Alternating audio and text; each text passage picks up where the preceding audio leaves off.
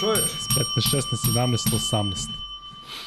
18 puta udarac u zvono za 18. pobedu Partizana za jednu od najvećih, e, rekao bih, ikada. Bar koliko ja pratim Euroligu, ne računam ono kad sam imao 10-11 godina, pa ne znate ni šta se desilo, ali e, svaka čast Partizanu, svaka čast Zvezdi, predivno veče za srpsku košarku i dobrodošli u 150 i Peti, peto ja? izdanje podcasta sa Lukom i Kuzmom. Ja moram reći da je ovo e, onako baš, baš emotivno za mene. Kuzma ovde šuška, ne znam li da li bombu neku otvara. A, šta li je? Ne znam, ne znam, ajde. E, moram e, reći da je baš emotivno za mene, zato što sam naravno srećen kao neko ko pre svega voli košarku i ko voli partizan, ali e, jako mi je žao što brat moj nije tu da ovo vidi, zato što bi on bio e, još srećniji. Na stotine poruka smo razmenili ove sezone o Partizanu, uglavnom smo pričali o tome koliko on voli podcast i koliko ovaj, voli Partizan i evo, znam da bi njemu ovo ovaj, značilo puno, tako da kažem, jedan miks emocija. E, naravno, nije, nije ništa gotovo, velika pobeda, ništa nije overeno. E, dakle, čuli ste Željko Bradovića i njegovu njegove izjave, dakle, apsolutno misli da, da treba da se ide korak po korak, da treba da se, dakle, već gleda ABA Liga, dakle, da se slavi večeras. Čak me oduševio Lesor svojom izjavom koji je ovaj, rekao uh, fokus na svakom sledećem meču, dakle, uh, uživati u ovom trenutnom momentu, ali razmišljati, razmišljati naravno unapred. Dobili smo neke knjige, Kuzma, tako? Da, sad ja ne znam čime je ovo izazvano, ali znam da je putovalo dosta dugo, s obzirom da mi danas Irena rekla da je ovo dve nedelje ležalo negde. U svakom slučaju, plato izdavaštvo, Bulevar Despota Stefana, 65 nam je poslao dve knjige, Topelo ovo od tebe, Tope, ti si nešto rekao da... Moguće da je od topa, nek javi top. U svakom slučaju dobili smo dve knjige, Viktor Pelević, IP Čak 10 i John William Stoner. Hvala. Valjda zbog onoga što pričamo o knjigama, ali eto prvi su se setili oni i Ako su knjige, onda su obe za tebe. Ja, ja, sve, Pa, knjige, naravno. ja sve knjige koje sam pročitao, ja sam ih ću već preporučio. Ja ću znaš. ti prepričati. Znaš, ja sam moram Ti da pročitam završio? neku knjigu da bih je preporučio. Ali pritom mora da bude dobra, ne mogu da preporučimo. Tako da, e, ljudi, dobrodošli još jednom. Vidim da će biti nekih rekorda sigurno. Ajde da postavimo još jedan rekord u smislu dođemo do 20.000 tog pratioca ajde, bilo bi, live. bilo bi lepo. Dakle, trenutno smo Kuzmano, koliko ti to, ne, kaže, Trenutno kaže Marko Top da nije njegovo. Kogoda je Nije ovo poslao, hvala Čekaj, puno. pa, e, zato sam i čekao da otvorimo uživo, zato što će neko vjerojatno da gleda da se javi, kažem, plato izdavaštvo. Žao mi je što nema neka posveta, možda ima, pa nisam video. U svakom slučaju, ovaj, eto, ljudi znaju da volimo knjige, pa ćemo rado i da ih pročitamo. Koliko sutra? Da, koliko večeras. E, dakle, e, dve pobede srpskih klubova u Euroligi i Partizanova koja je jako značajna, ali opet nije ništa overila zato što ona džuđava Valencija ne može da da koš Žalgirisu i Baskonija pritom dobila Fenerbahče kako bi volio da Partizan igra protiv Fenerbahča u, u top 8 što nije naravno moguće ali svejedno dakle kralj je pao u Beogradu Zvezda je Asvel pobedila ubedljivo u Francuskoj, tako da je jedno od, ovo, jedno od onih večeri kada smo, kada- kada, smo kada- zadovoljni jest. je s tim što mislim da Zvezda teoretski više nema šanse, tako. Mislim da pobedom Žalgirisa Zvezda više mislim, nema ne, ne, šanse. mislim da ima, ovaj, da, pobedom Žalgirisa nema, osim ako se ne desi opet neko čudo da oni ostanu na tim pobedama, Zvezda dođe, koliko ima Žalgiris? 17? 17, da. Pa da, ali onda krug sa Baskonijom, ne znam, Žalgirisom, Aha, aha, znači ne znam s kim, sa. Efesom, ne znam šta sve treba se ukrsti, ali izvarno su male šanse, međutim, ono što je vrlo interesantno uz, uz fantastičnu pobedu Partizana jeste i kako sam ja razumeo, nisam proveravao, znate da se redko bavim nekim takvim stvarima, baš da istražujem do, do, do, do ludila, da je ovo prva pobeda duplom, u duplom kolu Zvezdina. Ne samo ove sezone, nego generalno. Tako da, eto, neki dobar moment, zato što mislim da vredi svaka pobeda i mislim da se sa tim pobedama pravi nešto dobro. Partizan je uradio neverovatno dobro, odbio sve te neke napade.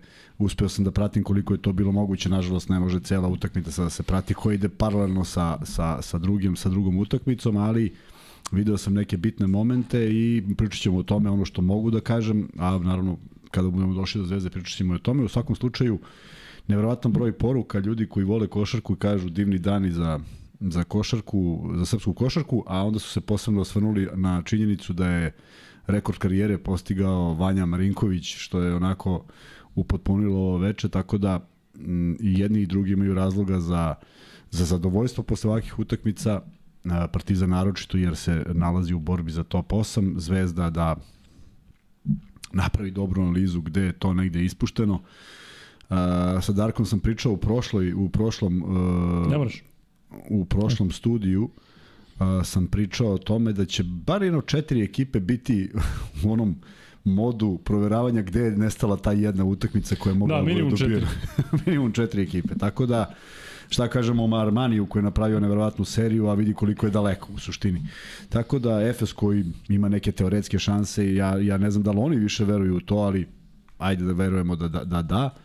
I u svakom slučaju, kažem, ovaj, dobro 32. kolo, drago mi što se ljudima dopao naziv koji nije bio ništa pretenciozan, da neko ne pomisli, nego baš palo, baš se poklopilo Jeste, da. kako treba. Tako da, eto, to su neki utisci posle ovoga što smo gledali večeras, kažem uz to što je Marinković uradio, uz to što je Baskonija demolirala Fener, bilo je par razlike kad se ja u jednom trenutku pogledao, ali ovaj posljednji po, drugi deo utakmice potpuno drugačiji i pričat ćemo o svemu tome, ali kažem najvažnije je da su pobede tu.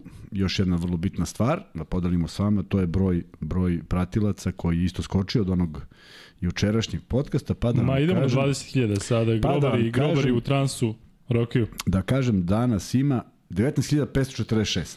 Fali nam samo 454. Tako, tako da ja mislim da je ja to, stvarno verujem da je to ja da izvodljivo sada rešio. u jednoj ovakvoj večeri. Dakle, tako. ovakva jedna slavljenička atmosfera to zaslužuje. E, veliki pozdrav za Šilera iz Ivana Ivanovića koji doniraju. E, trebate mi večeras da podcast traje 6 sati, mnogo moram da vozim.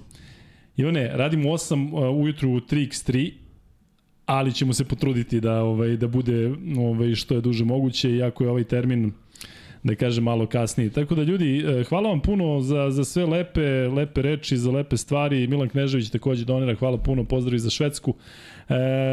Ono što se meni od svega najviše dopada to je što Partizan sada drži svoje, svoje, svoju sudbinu u svojim rukama. Treba da se gleda Baskonija, Žalgiri, sve je to okej, okay, ali Partizan sada dakle, misli na sebe i dakle ti neki sporedni rezultati nisu, nisu potrebni i zaista mislim da je potpuno zasluženo sve ovo što se desilo u smislu e, nema trunke e, bilo čega spornog u Partizanovim pobedama protiv tih velikana Evrolige poput Reala, Reala Olimpijakosa, Efesa koji je i dalje back-to-back šampion.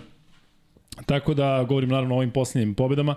E, I ostaje naravno pitanje šta bi bilo da su se dobili neki utakmice na početku sezone, Baskonija kako se izgubila, kako se, kako se još e, još neki onako da kažem boli porazi, ali e, kažem vrlo vrlo e, jedno lepo veče, oboren ponovo rekord u areni, atmosfera prema kojoj imaju respekt evo svi iz Reala. Ja moram priznati da nisam gledao tu utakmicu veterana, pomenut ćemo i to, zato što sam u tom trenutku putovao na posao da bih radio Monako i ovaj, uporedo sam gledao Partizan i stigao sam u drugo polovreme, ispratio Zvezdu koliko sam mogao. Kuzma, ti znam da nisi stigao, verovatno da gledaš Partizan nije bilo fizički moguće, zbog studija i svega, tako da ću ja preuzeti ono kada bude bilo igračima da, i sve sam, malo naravno, više. gledao sam nešto, nešto sam mogao da vidim, nije baš moglo sve, ali ovaj, gledao sam utakmicu veterana, bilo, bilo je vrlo interesantno i stvarno mislim da je jedna genijalna ideja. Ne znam od koga je došlo. Ne znam, ne znam stvarno. Znam samo da ovaj, da sam često prisutovao tom turniru veterana koji se održava i ne znam koliko su ljudi upoznati da Miško Marić, baš koji je nastupio, igrao je poslednji minut i svaka mu čas, 66 godina ima čovek i žele da se pojavi i bio je vođa ekipe, u krajnjem slučaju najiskusnije, a i najduži staž mu je kapitanski verovatno. Ovaj, u onom jednom izuzetnom periodu partizanove košarke, uopšte srpske i jugoslovenske košarke. I ovaj, on pravi to svake godine u novembru i tu se okupi hiljadu ekipa, ali tu ima puno ljudi koji su nama nepoznati. To su ljudi koji vole da igraju, koji su rekreativci. Međutim, ovo je stvarno izgledalo fenomenalno. Zašto? Zato što vidiš neke igrače, naravno, svi su malo drugačiji nego što ih pamtimo, što je potpuno normalno, ali ne mislim da bi bilo uopšte loše da se napravi nešto ovako na nivou Evrolige. Razmišljam, zamisli da čarter koji je uvek ovaj, dovoljno mesta ima da povedeš 10-12 ljudi, da se oni pojave tamo, da se odigra nešto slično, da to bude baš neko njihovo druženje. Malo je ovde bilo čudno zato što su generacijski bili ovaj, uh, veliki, veliki jaz u generacijama. Bilo je naravno onih koji su igrali u istom periodu, ali Ovde, ovde Rašić, Avdalović, e, e, Ratko Varda deluju kao da igraju samo neki rang niže, ali da i dalje igraju, pošto, pošto deluje da su u dobroj formi. Tepić je bio, Tepić koji izgleda potpuno isto. E, naši gosti na sve strane, pazi ovo, a, da kažem samo Varda, um, Mića je igrao, tako? Mića nije igrao. Nije se ni skinuo, nije. Mislim da ne igra zbog tetive i kad smo igrali ja, u da, novinarsku... Nešto, nešto, barem ono... Ne, ne, kad smo igrali u novinarsku nije igrao. Da. Ali ovaj, Bio je, bio je Varda, Varda, bio je, Miško. Miško. Da. Pazi, naši gosti danas, tri, dva, tri naši gosta su danas zvanično selektori reprezentacije, se video Čanak, yes. Stefanović, Mnogo mi je drago Andjušić, toga. Koji je probio, dakle, pričat ćemo o Andjušiću, ja ću pričati o Andjušiću jedno 10 minuta, zato što mislim da je taj momak e, zaslužio neverovatne pohvale za ovo što je uradio i meni je on jedan od najbitnijih igrača danas kada je promašeno prvo slobodno bacanje na šutu za tri, koliko je teško dati drugo i neverovatno kako mu je ta trojka izašla i dao je drugu i treće, pa je posle uh, Šmekerski izvukao ona nova tri slobodna bacanja i pogodio sva tri lagano. On imao onu asistenciju za Ledeja, za mene ta trojka možda bila i ključna, ali doćemo naravno i do detalja što se tiče utakmice Partizana. E, jesi video možda nekoga iz Reala ko ti je poznat u smislu da si igrao ti protiv njega? Pa ne, pričao sam sa Ilijom i kaže da Korbalan, da je to u stvari brat Korbalanov, nisam igrao naravno, malo je, malo je, malo je mnogo stariji. Hm Ove, ovaj, tako da iz Reala neki, nekih igrača koji se samo sećamo protiv Reyesa, čak ja mislim da kad smo igrali protiv Reala da on još nije bio u, Realu te 2001. Ja bi se zakleo da nije.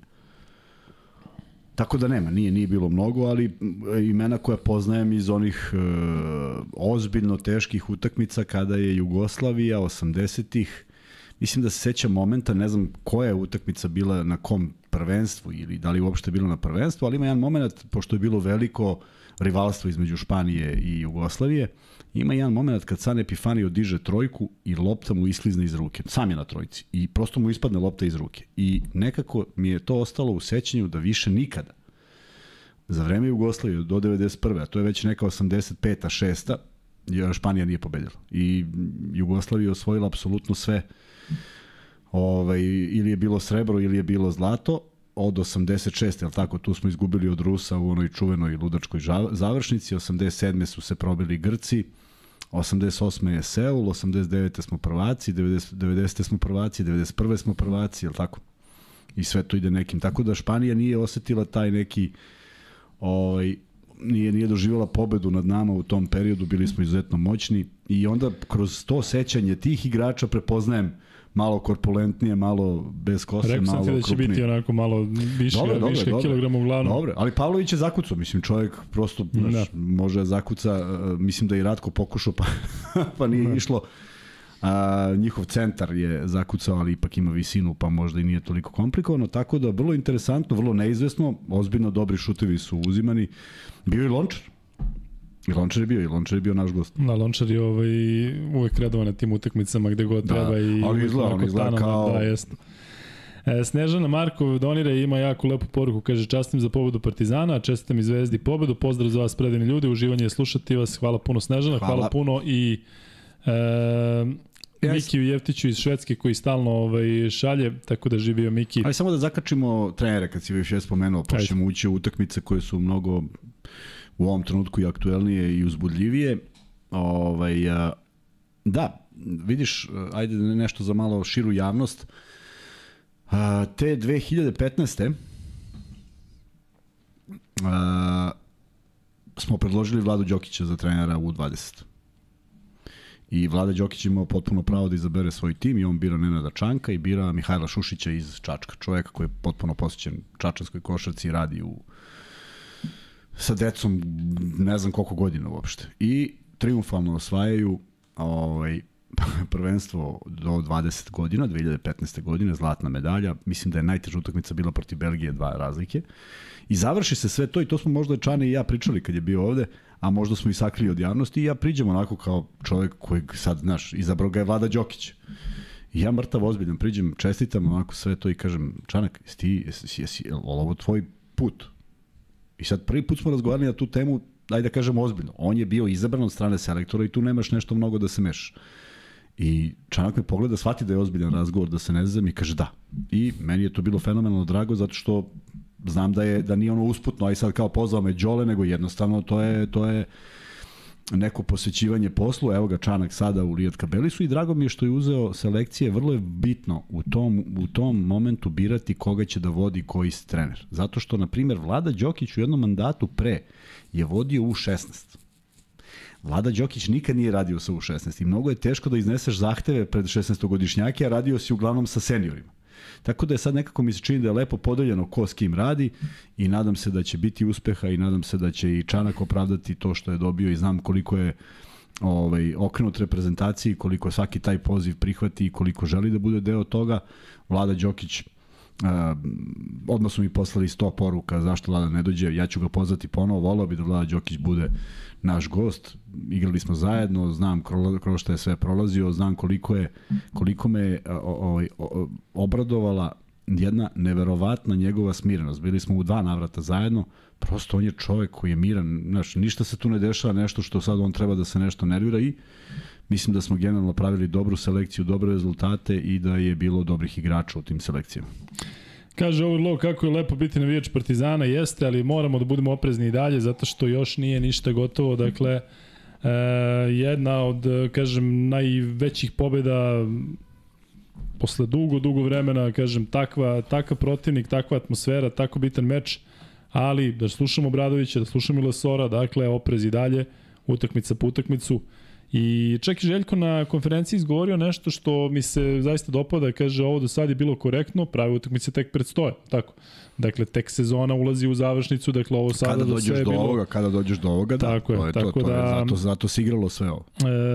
E, sve u svemu, e, još nekoliko, da kažem, tehničkih stvari, dakle, znate da kada dođemo do 500 lajka udaramo prvi free bet, naravno biće u vezi, u vezi ove pobede Partizana, e, dajte to brzo da odradimo s obzirom na to da vas ima zaista puno već sada u live-u, a bit će sigurno više još tokom emisije. I kažem, jurimo tih 20.000 pratilaca da i tu taj jubile proslavimo zajedno. Imali smo tu sreću da sa vama proslavimo 10.000 e, na onoj našoj 100. emisiji što se nevjerojatno poklopilo. Tako da evo sada ovo, ovo, ovo zanimljivo veče bilo bi lepo da provedemo da provedemo i tako zajedno. E, Luka, da li misliš da ako se dočepamo petog mesta umesto Makabija, da ćemo najlakše sa Monakom, je realno kanta ekipa kada je James nije u ritmu? James je danas prenosio sa Monako bio zaista neverovatno. Dušan je pogađao šuteve koje inače uzima te divlje šuteve.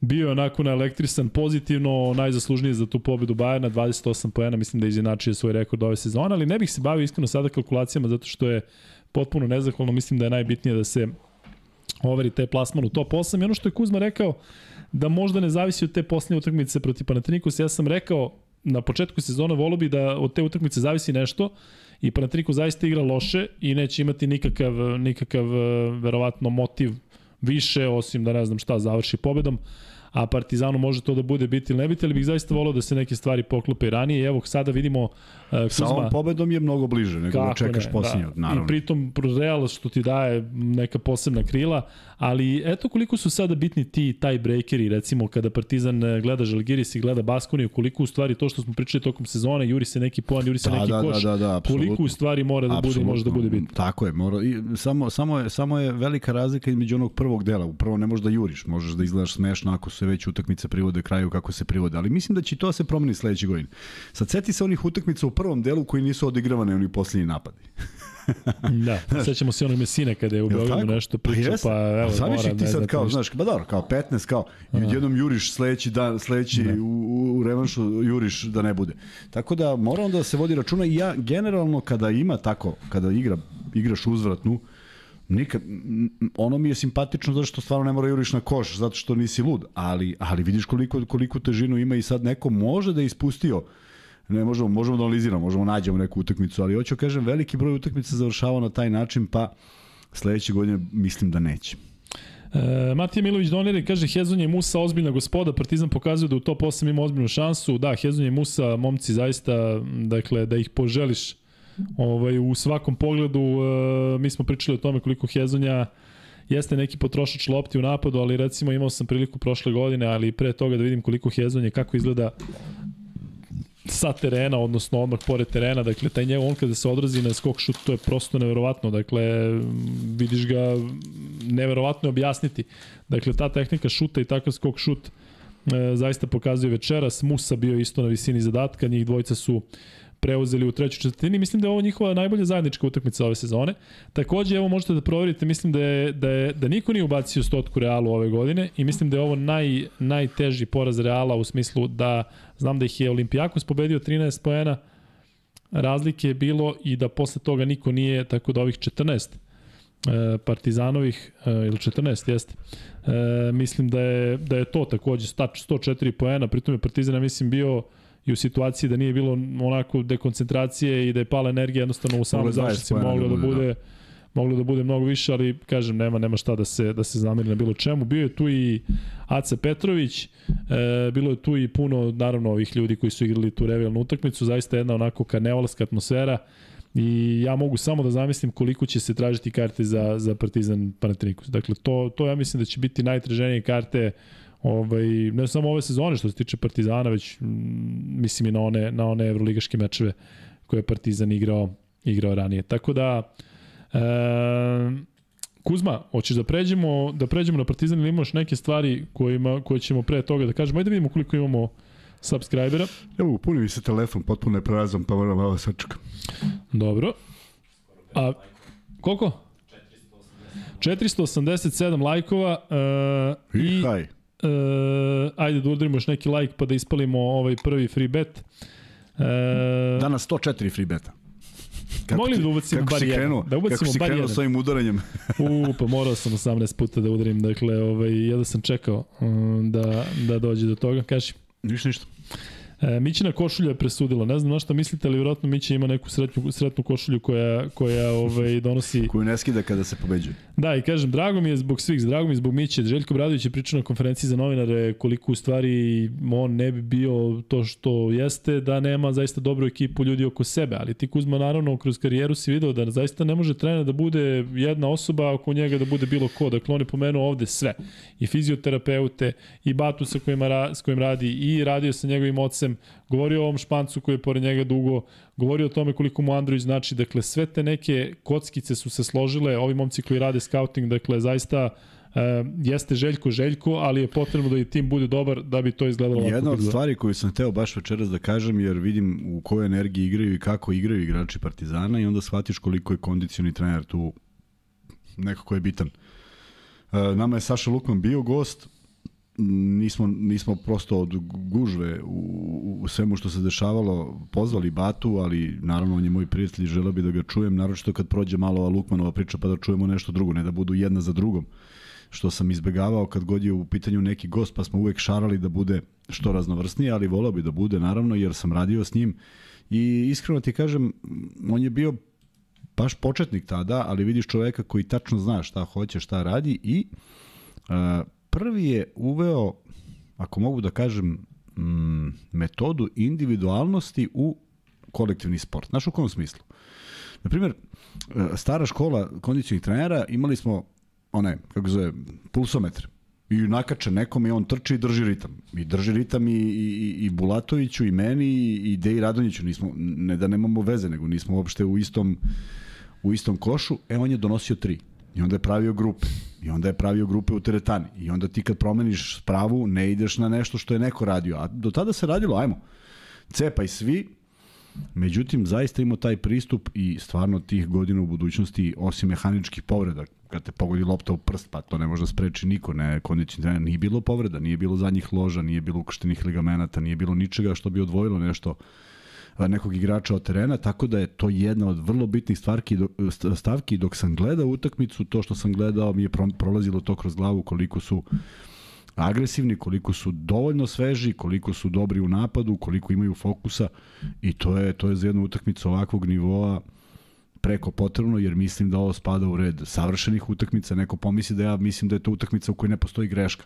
Nije to, nego savršena utakmica kada ti uspeš da ubaciš 104 poena jednom timu koji to redko prima i to na način koji je nesvakidašnji da ga, da ga prebiješ u, u pozitivnom smislu reči, da ga izbaciš iz, iz reketa. Oni su u jednom trenutku onako koliko bazenčeta ovaj, trčkarali, a onda još da im ubaciš 104 poena. Obično ide jedno, jedno što ne ide s drugim. Biješ, biješ, biješ, biješ, pa teško daješ poena, ali ovde je nekako sve funkcionisalo i ono što je najvažnije, ti momenti koji su bili kritični opet u drugom poluvremenu su odbijeni pretilo je bilo, bilo je Uf, ona kako, serija. ne da je pretilo, nego je pretilo baš, baš. Tako je, i onda u jednom trenutku... Ali je Partizan uvijek imao neki odgovor. Imao je dakle, odgovor, nije, tako, bilo je, tako bilo je je, serije kada je Partizan, kada je došao Real, čini mi se sa minus 13 na minus 4, Tako je. ali je Partizan imao, imao odgovor, Odgovor i, i i onda to jedan nije bio drugi. jedan igrač koji sada nešto tu dominira, kao recimo što se dešavalo ove sezone da jedan preozme, pa sada njega ide, pa gruvi na njega, nego je svako dao dao svoje i ono što, što je, mi se čini možda malo čudno pri ovakvom rezultatu, ali Partizan je zaista danas crpeo energiju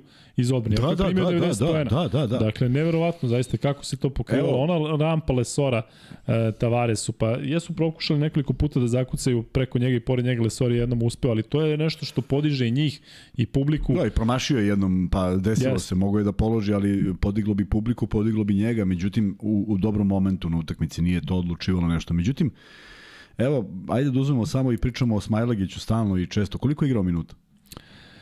E, Smiley, sad ćemo da vidimo.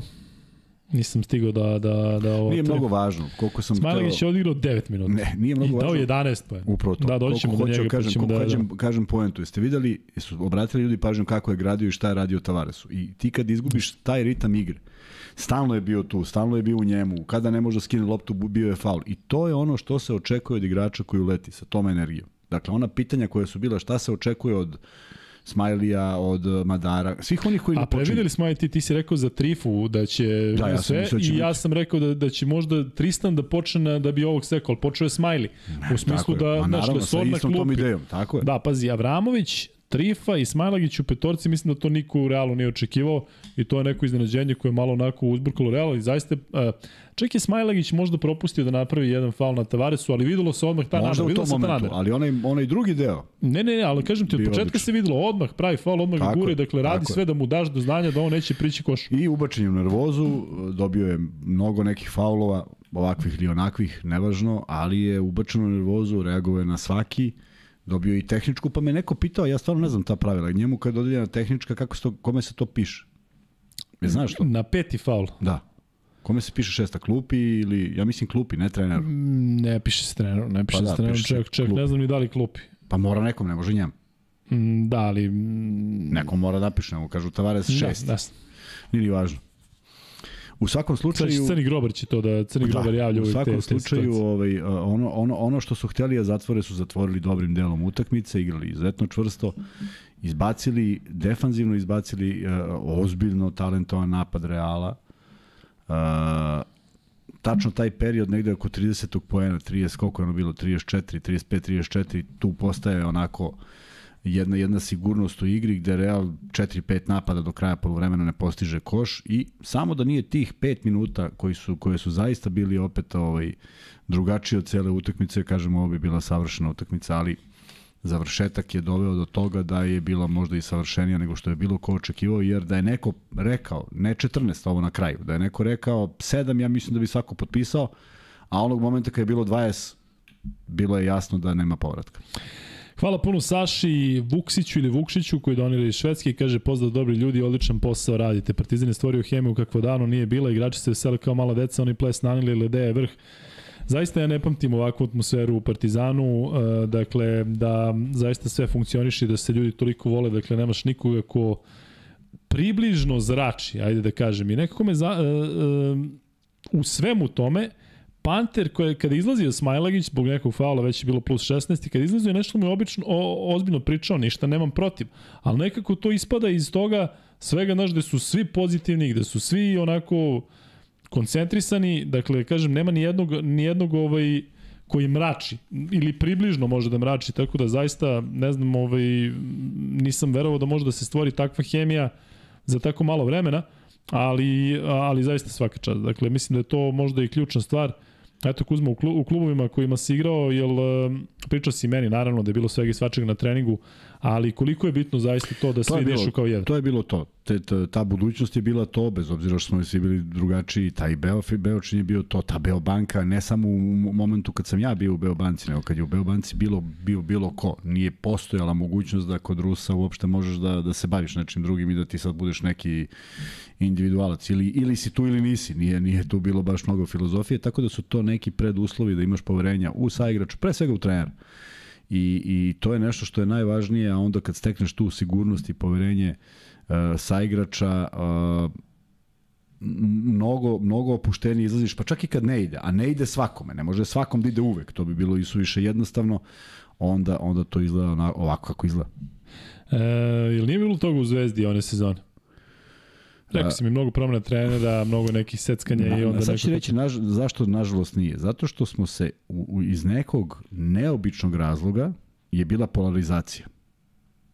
Da, rekao si vi koji ste došli. Mi koji smo došli, ovi koji su da, bili. Pet, a, pet, bilo pet, je, ja. a, da, a bilo nas je 5-5, čak, čak mm. samo to 10 se skidalo. I onda je stvarno bilo, znaš, nije bilo 6-4, pa malo povučeš da. ovo, nije bilo... I onda je tu napravljena neka polarizacija na stari mladi, pritom kako stari, stari od čega?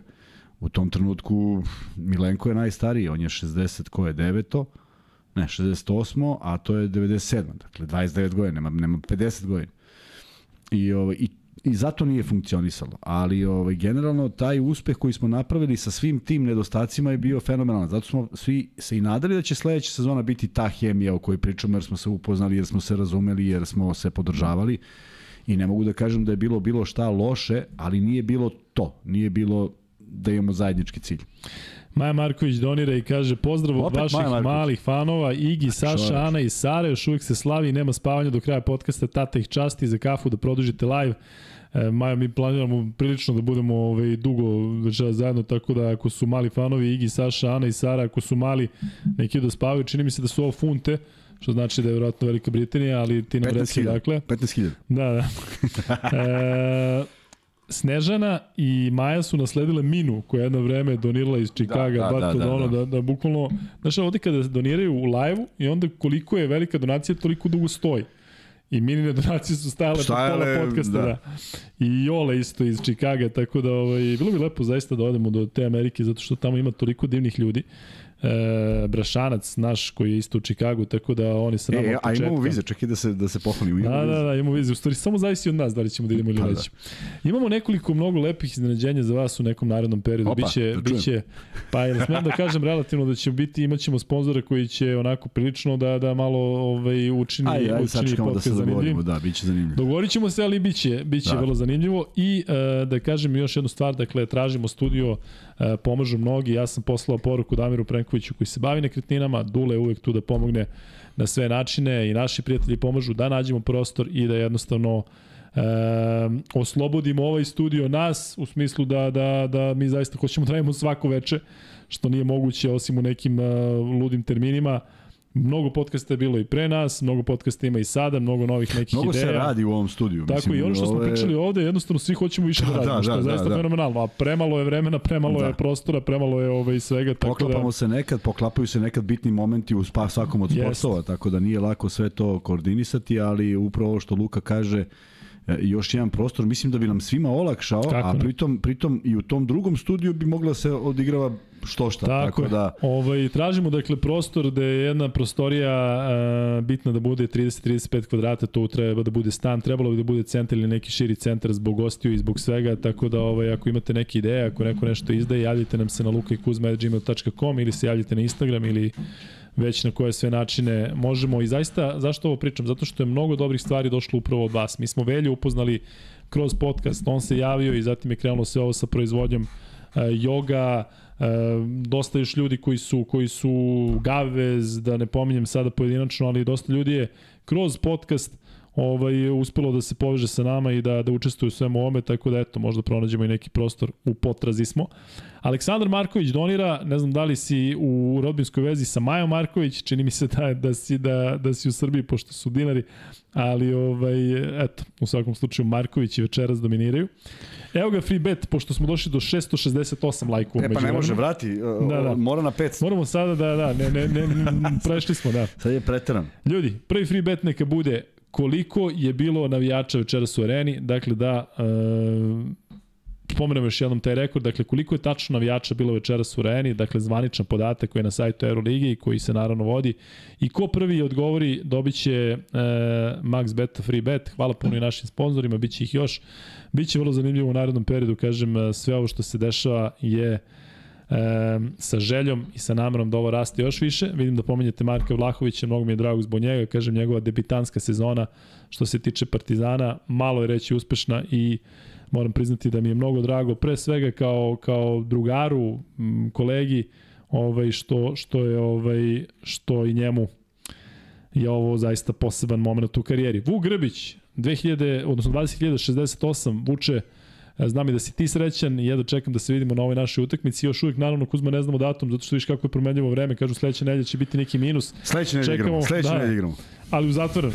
ovaj, ali jedno čekamo da se vidimo sa svima vama. Dakle, naravno, ne samo oni koji su kupili dresove. Dresova više nema, tako? Dresova više Moram da provjerim sa Veljom. Pitali su me ljudi, otišlo je da. ozbiljno, Sve smo prodali broj, što smo, što da... smo. Tako da će biti mnogo ljudi. Planiramo roštilj, planiramo da, dakle, svi dođu. planiramo roštilj. Dakle, svi dođu. Ma, svi, svi dakle, tako je, da napravimo takvu feštu da, da, ovaj, da se vidi koliko smo složni. Vidim da i ovde ima malo prozivki, iskreno manje nego što sam očekivao ali nema potrebe, zaista. Pobedio je Partizan, pobedila je Zvezda, jedno nema veze s drugim, dakle, u smislu da, da, da ovaj, zaista mislim da treba svi da budemo zadovoljni večeras. M dve stvari. I izvini, A, da izvini. kažem da Partizan i Zvezda imaju dakle zajedno 33 pobede u Euroligi, 18 plus 15, tako da ovo je Zvezdina 15. Tako je. Dakle, 33 pobede u Euroligi, ljudi moji, srpskih klubova, na dva kola pre kraja. A mi smo govorili o onome kao, znaš, to je prosek, to će prosek na kraju biti možda veći od 17. Ako može se desiti, da, ako dakle, Zvezda dođe do 17, Partizan pređe već tako prešao. Tako da ljudi, tako dajte je. da uživamo u ovome, zato što je ovo velika, velika stvar za srpsku košaku. Kuzma, dve stvari, izvoli. Dve stvari. Prva, kaže Nikola Jevtić, kaže, moram da podelim anegdotu. Ajde. Odem pre 15 dana u Dublin, poslovno, par dana, i na sastanku jedan lik Britanac ima notes Luka i Kuzma. Kaže, dao mu prijatelj iz Beograda. A ja dobio pre, na primjer, mesec, dva notes i još se nismo organizovali da mi daš. A mogli bi da ga proslavim njegovom direktoru, može se cela firma naloži. Nevjerojatno. Ako je istinito, pošto zvuči nevjerojatno, genijalno, ali genijalno. svaka čast, zaista. E, i ima još jedna vrlo interesantna stvar. Samo da nađem. Kaže ovako, slušaj, kaže. Jedan čovjek procenjuje šta je potrebno za uspeh zvezde. Si spreman? Šta? Da bi Zvezda napravila neki iskorak u Euroligi, mora se skloniti Kuzmanović kao stručni konsultant sa zvezdinih utakmica. Ubija čovek u pojam i to traje već godinu. Prvi komentar glasi, slažem se, zbog njega ne igramo top 8, sigurno. Morao je bolje odigrati protiv Albe, Žalgirisa, Bajerna i Panate. A drugi kaže, pa on ne šutira loptu i ne igra odbranu. Tako da ovaj, svašta postoji, ali ovo mi je bilo interesantno jer su mi poslali u vreme, za vreme prenosa, pa... Ovaj... Nešto malo je zanim, e, za zastrašujuće u stvari. Da li stvarno neko veruje u to ili Očigledno, se zeza? Ne, Zato što ne ako se zeza, čak i nije loša fora. Znaš, u smislu, razumeš, ne znam, vola bi da znam, vola bi da dakle, znam. Ali dobro, što ti kažeš ima svačega. Aleksandar da. Marković ponovo donere kaže radnički Kragovac se vratio u KLS divna slika u jezeru, jeste, zaista nam je drago. Pitao neko juče da li, da li e, će igrati u jezeru na onim kanta koševima, dakle tamo gde šta god da baciš uđe. Pretpostavljam da su promenjeni. Ove, Ali eto, u nekim našim namerama, u nekim našim idejama, verovatno ćemo u nekom trenutku dođemo i do Kragujevca, ako ništa blizu je. E, što tamo imamo domaćine, ne bi verovao. Jel u Kragujevcu? Da, nešto si mi pominja. Pa ono što, što smo se čuli, što si uključio, je li tako? Je to Kragujevac? Kada smo putovali za Beočin, pa si uključio ovaj, veza Lion. A to Kragujevac? Čekaj, setim. Šta ste radili u Lionu čovjek koji je vrlo, vrlo šarmantan, duhovit, pa smo slušali 10 minuta. A, mi, da, da, jeste. Je to kraj? Jeste, jeste. E, tako da, ili na, na to domaćinstvo misliš? Na to, da. Tamo nema greške. E, da. Dobro. E, možeš da staviš miksa e, ovaj pol da vidimo koliko ima jednih i drugih, e, pre svega da vidimo zaista zato što Partizanoci ovde Maja Marković mi je supruga, slučajno iste ime. Pazi, nevjerovatno. Da. Pa dobro, Maja Marković je zaista i Maja Marković je često, tako da, da ovaj, super. Dakle, znaš Mikse kako je, za koga navijate, Partizan Zvezda, neko treći. E, imaćemo danas dosta polova, vidjet ćemo, ubacit ćemo, neće se ljuti naši drugari s free betu, ubacit ćemo jedan ekstra free bet. Ovaj, tako da ćemo imati tri košarkaška i jedan uh, nekošarkaški. šarkaški. Hvala puno Max Betu što je uz nas, hvala puno što su sa nama od početka. Početak naš je bio takav da nismo bili mnogo ovaj, e, e, interesantni sponzorima zato što je onako delovalo kao priča hoće dva čoveka da pričaju o košaci, međutim oni su to prepoznali i mnogo nam je drago što, što, što, smo, što smo i dalje partneri. Tako da ovaj veliki pozdrav za njih, veliki pozdrav naravno i za Ultru sa kojom imamo imamo dogovor i nadamo se da ćemo imati još bolju saradnju u smislu da učestvuju u ovim našim akcijama koje spremamo. Hvala puno da zaista svima vama koji donirate, koji učestvujete u humanitarnim akcijama, zaista ovde je stvoren jedan fantastičan community i zato kada neko krene da zrači i da mrači, nekako ovaj, onako se vidi u celoj toj e, poplavi fantastičnih ljudi, pa ako možete to da ne radite, a ako radite, tu je miksa da udari, koliko treba, jedan klik miksa, a? Da, miksa ovaj, to rešava u momentu miksa. Mi ćemo na kraju da pričamo malo o Denveru, pre svega. Ne, ajte da... sada pričate o Denveru. pa mogli bi, da, da, znaš da bi mogli. E, Kuzma, ili imaš još nešto pre nego što... Imam što... da kažem, da, trenutno ima... E, to mi reci. 19.595. Dakle, još Pazi 405. kako to ide već. Da, da, da, Ej. pa sto skočilo je za 50. Fi, haj, za 50 dok Ljudi. si rekao 50. Dakle, ovaj, kada bi došli do 20.000, to bi bilo fenomenalno, tako da... Ovaj, I onda je gotovo, završao. Da, E, onda da je plan bio da imamo 20.000 i to je to. Je tako? Da. 20.001 gasi. E, dobro.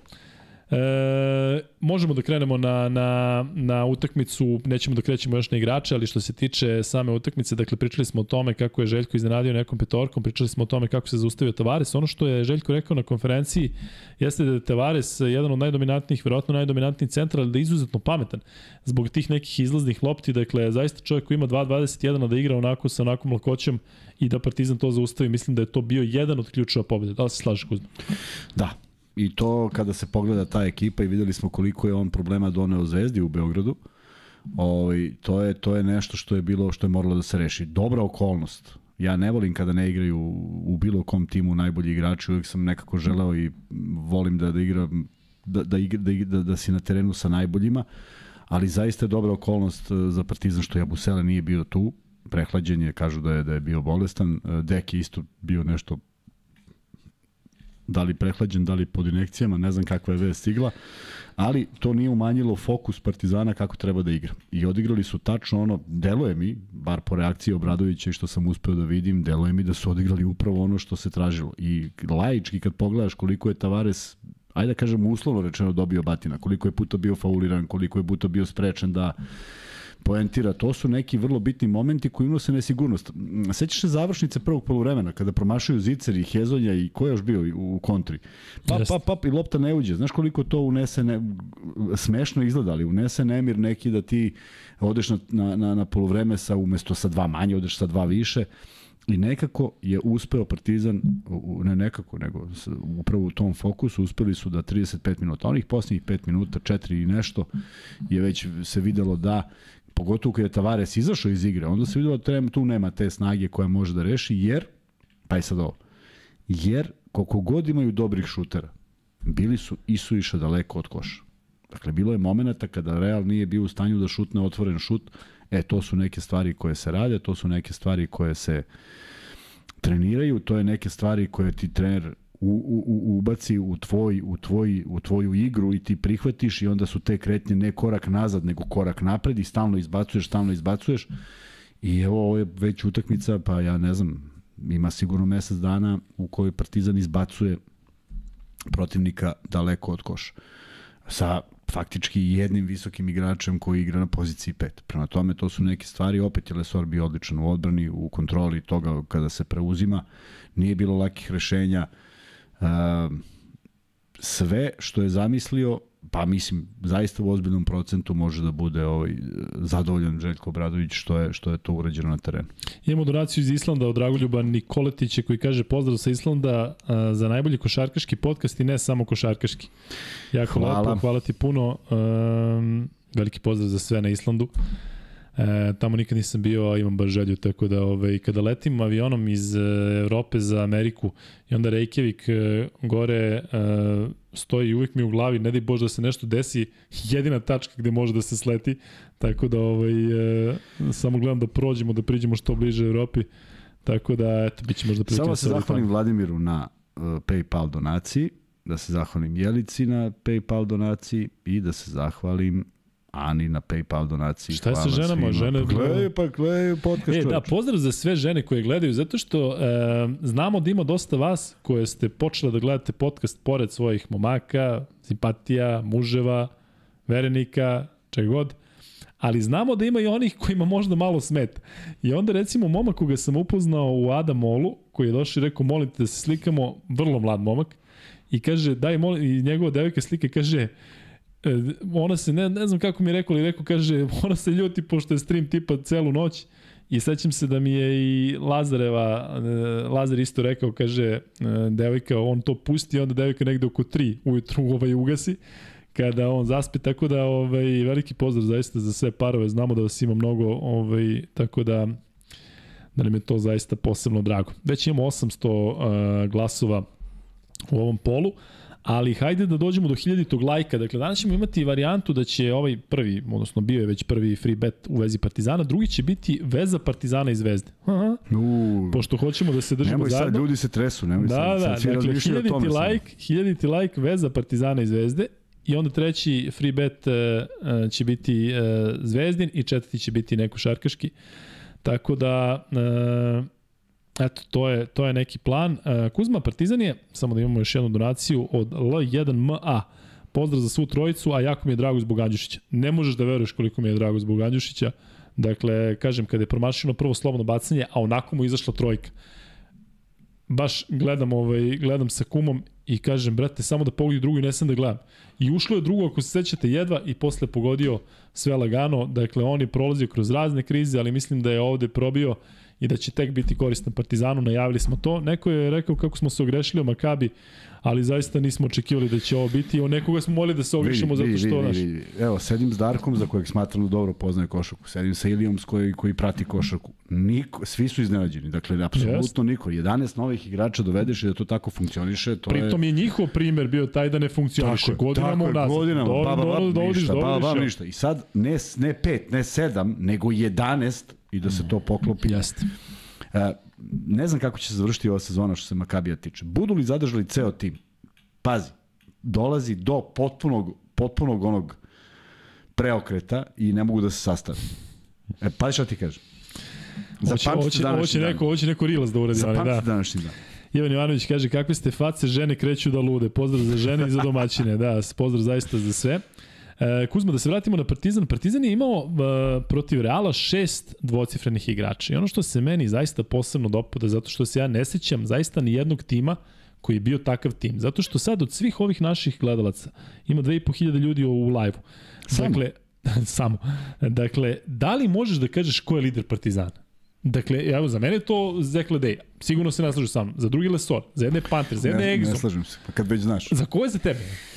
Dakle, ti ne možeš da izvučeš nijednog igrača Partizana, što je super. Ja I da mislim, kažeš ja on je. mislim da je lider Partizana mislio sam da će, da će biti Panter, bez obzira ovo što pričaš koliko je on bitan i sve to, ali mislim da polazi mnogo od toga od Exuma. Da je on sad čovek koji je u, Ja, se, ja ne mogu da se ne složim poslednjih dva meseca apsolutno neko ko, ko, ko ima veliko samopouzdanje, ko rešava sve što mu pada na pamet, koji ima odlične procente, koji pogađa za 1, za 2, za 3, koji u suštini nema lošu utakmicu. Ima samo taj problem a, što igra načina koji igra, što se od njega traži sigurno, što nije čovek koji dodaje, asistira i traži bolje rešenja. Uostalom ima takvo telo da i to ne mora da radi s obzirom da kad krene, a, a, a, a nađe otvoren prostor, ja, jako ga je teško zaustaviti, tako da mislim da je on zaista neko Znam da, znam, znaš i ti da ja sam smatrao da je Topić jedan od najboljih igrača kad mu učinak nije košgeterski jer je, jer je sve pokrivao, tako da potpuno te razumem kad pričaš o Ledeju, ali, ali mislim da, da ovde zavisi najviše trenutno situacija od, od uh, uh, Exuma. Hitch Ground, uh, donira Hitch Ground God, uh, takođe donira, hvala ti puno. Uh, ne sjećam se ranije da smo to uopšte videli ovde u, u live-u. A Kuzma, u stvari to ti ne znaš sigurno, pošto ne znaš šta jok, se dešava. Jok, Ajde, baš da šta ćeš da odgovoriš. Imali smo miksa, možda ti znaš, recimo Beki, naš drugar iz Max Beta, kada on se javi ili tako kad se neko javi, nešto je sivo ištiklirano kod njega. Šta to znači? Nešto, znaš, ne znam da li u ima veze to sa su YouTube. najzajebaniji. Ne, ali mislim da to ne, ne može on da stavi, nego da YouTube, YouTube stavi. Nemam pojma. Tako da, nemam pojma, ali ne, bilo je Beki, znam da Beki kada Ja ovo da je nešto, nešto bre.štiklirano, Ja sam nešto, pre, malo sam na pola, čoveče. Te namerno miksa stavi. Miksa stavio sam na pola, sad Kako sam se smo namestio. crno-belom, pazi, crno-belom, ovde dresovi i ovaj... malo pa ideš. Malo, malo pa odem. Da. E, Kuzma, jo, ajde u stvari da ugasimo ovaj pol e, koji već ima preko Ne 1000. gasi sada. Ne, hoću da stavim da baš da vidim da ljudi šta misle, koje... Možemo imamo četiri opcije u polu ukoliko da stavimo igrače, tako? Ne može pet. E, Dante Lider, pozdrav iz Čikaga, kaže Midzon. Slažem se ja sa tobom i sa Kuzom, ali ja ipak ovaj Ledeja vidim nekako kao, kao neku sponu. E, 64% Partizan, 31% Zvezda, 3% neko treći. E, stavi miksa, molim te, Pol. Ko je Baskonija, za vas... treći bas, iz Baskonije. Ko je za vas lider Partizana? Stavi Lesor, Ledej, Exum, Panter. Da smo ok rekli. Pa je, Pa je, ne, znaš šta, imamo opciju, imamo opciju neko peti. Yes. Ovaj, tako da... To će ovi, ne, ovi neko treći da glasaju za nekog peta. Ne, ali što Aleksa Vramović ne bio lider? Čovjek je, Pa čovjek nije, je bio, nije, zato pa što čovjek igra je manje minuta, dobar je on, sve on trojku. to radi, da on trojku i to mu, i to mu je posao, to treba da uradi. Čekam da dođemo da pričamo o Aleksi, dakle ona njegova trojka, uh, kada, kada smo se svi, ja mislim koji, koji smo gledali utakmicu i koji najavimo za Partizan tresli zbog treće četvrtine kakva je bila protiv Barcelone i kada je počelo onako i Aleksa odmah zvizne trojku, koliko je to meni, meni bar bilo bitno. Evo kada govorimo o četvrtinama, Partizan je u prvoj četvrtini dao najmanje pojena, 21, e, a primio 23, onda druga četvrtina 28-15 i ta treća 29, ali primljeno 34 poena, pošto su poludeli i, i Hezonja i Musa, pričat ćemo i o njima, i onda u toj posljednjoj četvrtini 26-18, ali kažem, ne treba možda, nerealno je malo zbog svega što se dešavalo u završnici, Poirija postiže trojke i svašta se dešava, tako da kada je već utakmica bila rešena, nije Ne, ono nije se bilo. ne radi, ono, ono je, ne, može, ne sme da radi, one gluposti, mislim, onaj šut za tri poena, kao sad on, Čovjek dade, pa šta dade, a on u sledeću ne dobaci. dao dve, tako? Ma, ne radi se to. Nisi dobro vidio. A šta Nisi dao dve, vidio, možda da. je prošla, nije dodirnula obruča. Ovaj, koliko imamo, Kuzma? Pitaju koliko ima do 20.000. Da možemo damo nagradu 20.000 tom pratiocu? Ne možemo. Možemo, 100.000 evra da kažemo. Ali, ali do, do ovih donacija, ne naši. Šalu na stranu, ali kažem, baš sam uzbuđen zbog toga što, eto, pregovaram sa jednim sponzorom gde će ti vi biti vrlo zadovoljni, dakle, osim free betova ćemo ubaciti još nešto. E, apropo 100.000 evra priča, 9 19.610, 390. 19.610, još 390 nam E, fali. Apro, apropo 100.000 evra, pitam, pričam Muta kad je vodio IMT, to, to je kraj, početak 90-ih, možda 291. I sad sklapa se tim i Goran Grbović slobodan. I sad Muta prepričava i svoje vizure, kaže, pa dobro Muta, ali imaš neko da popuni ovaj tim? A stvarno, sklupili su, skopili su tim koji ima ozbiljno dobra imena, ali onako po osob, nisu, nisu oni baš neki timski igrači. Pa kaže, pa ima, kaže Goran Grbović. Pa šta je problem, kaže? Pa kaže, Yes. problem da nema para. Pa kaže, pa ponudio, pa koliko da mu ponudi? Pa ponudi mu 300.000 maraka. Pa ćemo da mu damo. Odakle nam? tako da, tako da s- 20.000 ti može da tražiš šta god hoće. Ali pričao je Joki ovde, kada je Muta video Durenta i kad kaže ovog mi dovedite, kaže pa daće mu pare kao 2000 evra će mu dati ovaj čovjek igra za 40 miliona tada. E, evo, Stop objašnjava, kaže Luka, to znači da je Beki verifikovan jer ima 100.000 plus lajkova. 100.000 plus lajkova. Hm? Pa da, subscribera pre. Znači, Beki, ti si neka faca, ja to nisam ni znao. Faca Beki. 100, evo piše, 100.000 subova. Ali nije Beki jedini, bilo ih još. Tako da svaka čast, ne znam, ja da sam na tim društvenim mrežama, verovatno bi ovaj, ono. Kuzma, da pričamo još malo utakmici, ali ajde, evo, Aleksandar Marković opet donira i kaže aplauz cele hale Hezonji, zaista je bilo sjajno. Dakle, ja sam rekao juče da ne treba da prozivamo ni Hezonju, ni, ni Musu, zato što naravno uvijek postoji neka... Šta? Pre utakmice. Pa verovatno misli na to, ali aplauz bio i na kraju, kada je dao onu trojku, kraju- aplauz je bio kada je onog kraju je igra, super, navijača ne, hteo da ostane na terenu. Naravno, na kraju je sve super, to, to, to se slažem. Odlično je što uh, Partizan ne... Uh, pričali smo o Hezonji, on se hrani tim. O, njemu više odgovara da ga neko proziva. I Partizanovi navijači koji tokom godina koje, koje su gledali Euroligu poznaju uh, mentalitet određenih igrača i kako treba u stvari negde nekako reagovati za svaku pohvalu. Ja generalno mislim da, da, da atmosfera na partizanovim utakmicama, ne znam je, nisam bio, ali ovaj, vidim da je um, zaista malo momenata bilo sa nekim pr problematičnim situacijama, pa i to Partizan, to je kad je Ostoja bio ovde, Partizan je rešio onaj što je Da.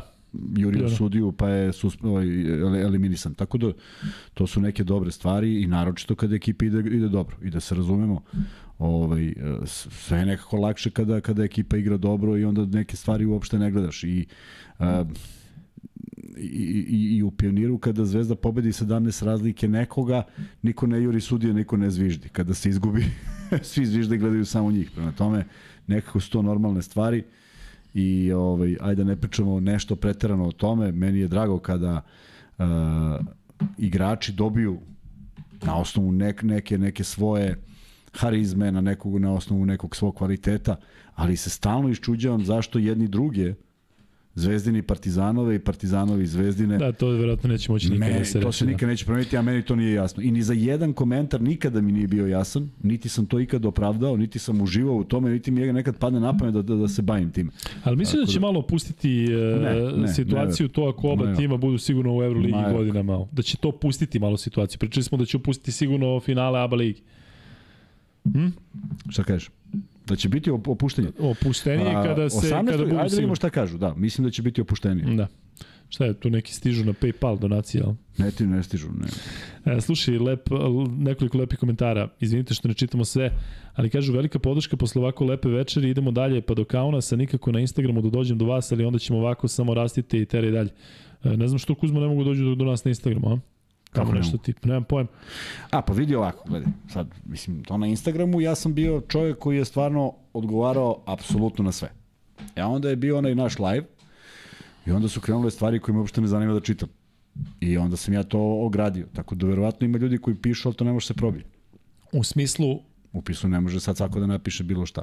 Tako da ima e, mora da nam bude subscriber da bi mogao mora da... Mora hiljadu stvari da se desi da bi ja sad pročitao to. šta treba sve da se potrefi? Pa da se potrefi da vidiš prvo šta je napisano da bi ga uopšte odblokirao i tako dalje. Ali mora da bude subscriber. Mora, jel? Ne, mi ne možemo da sprečimo, svako može da pošalje, ali ideš na proveru. Aha. I pogledaš poruku i vidiš da li ima smisla ili nema. Tako da neki zaista trpe i mnogo mi je žao što neki divni ljudi ne mogu da dopru do nas sada. Ali ti divni ljudi mogu da šalju na lukajkuzme.gmail.com. Na, na e-mail mogu. Vi lukajkuzme.gmail.com šaljite i to je naš zvaničan mail. Žao mi je zaista, zato što prosto, znaš, kad čitaš neke gluposti koje nemaju veze s mozgom, sve sam ih sačuvao, sve ih imam sve ih. Ja ne brišem. Je leč o stotinama poruka? Nije, nije, nije, da. nije, ne, ne, ne. Mnogo je veći broj pozitivnih poruka, ali prosto, znaš, nema razloga da sad čitaš nešto Zato i što se non stop slikaju sa mnom, kaže šaljemo na Instagram i ništa se ne objavljuje. Možda zato što nisu subscribe-ovani ili ne znam šta. Ima, ima, ima razloga. Eto. Kažem, žao mi je što ne mogu da, jer stvarno sam imao najbolju nameru, čak i na ovim YouTube komentarima. Onda pročitaš toliko gluposti da ljudi ne mogu da shvate jednu stvar. Na YouTube mi imamo sponzore prema kojima imamo odgovornost. I imamo neki ljude koji nas ne znaju. I zamisli on, otvori onako da pogleda i ajde da im šta pišu. I sad ti čitaš neke stvari koje M ne priliče, M nisu istinite. To svako piše šta, šta misli da je čuo ili bilo šta. Prema tome ja prosto moram to da sklonim, ne zbog sebe, nego zbog ljudi pa može koji... na YouTube da se skloni, može? Može, pa sklanja mi to, pa naravno, šta radiš? Da, samo onda, kod mene. E, samo da objasnim još jednu stvar. Kada Luka i Kuzma sklone nešto sa podcasta Luka i Kuzma, samo da znate imamo potpuno pravo da, da, da uradimo to. Znači nikom ne moramo da podnesemo ovaj razloge zašto to radimo, jer se podcast tako zove, dok se tako zove, mi to možemo da radimo. Ivan Antić e, kaže sledeće, da slušaš? Kuz, Kuzmanovski, da slušaš? Slušam. Kaže, samo kod mene u porodici, Ivana kaže, samo kod mene u porodici ja gledam, a muž ludi. Zamisli ti tu vez. to je Ivana, genijalno. dođite na, kada budemo se družili na Adi, pa ćemo da, da, ubedimo, da ubedimo muža da gleda Ivan. E, Pitujete ovde za zakucavanje Petruševa, ali doći ćemo do zvezde. E, Crni grober kaže, Žoc legenda dobio na poklon košarkaški dres Makedonije i kaže, jes, da ne ide uz mene crvena boja, ali hvala na poklonu. E,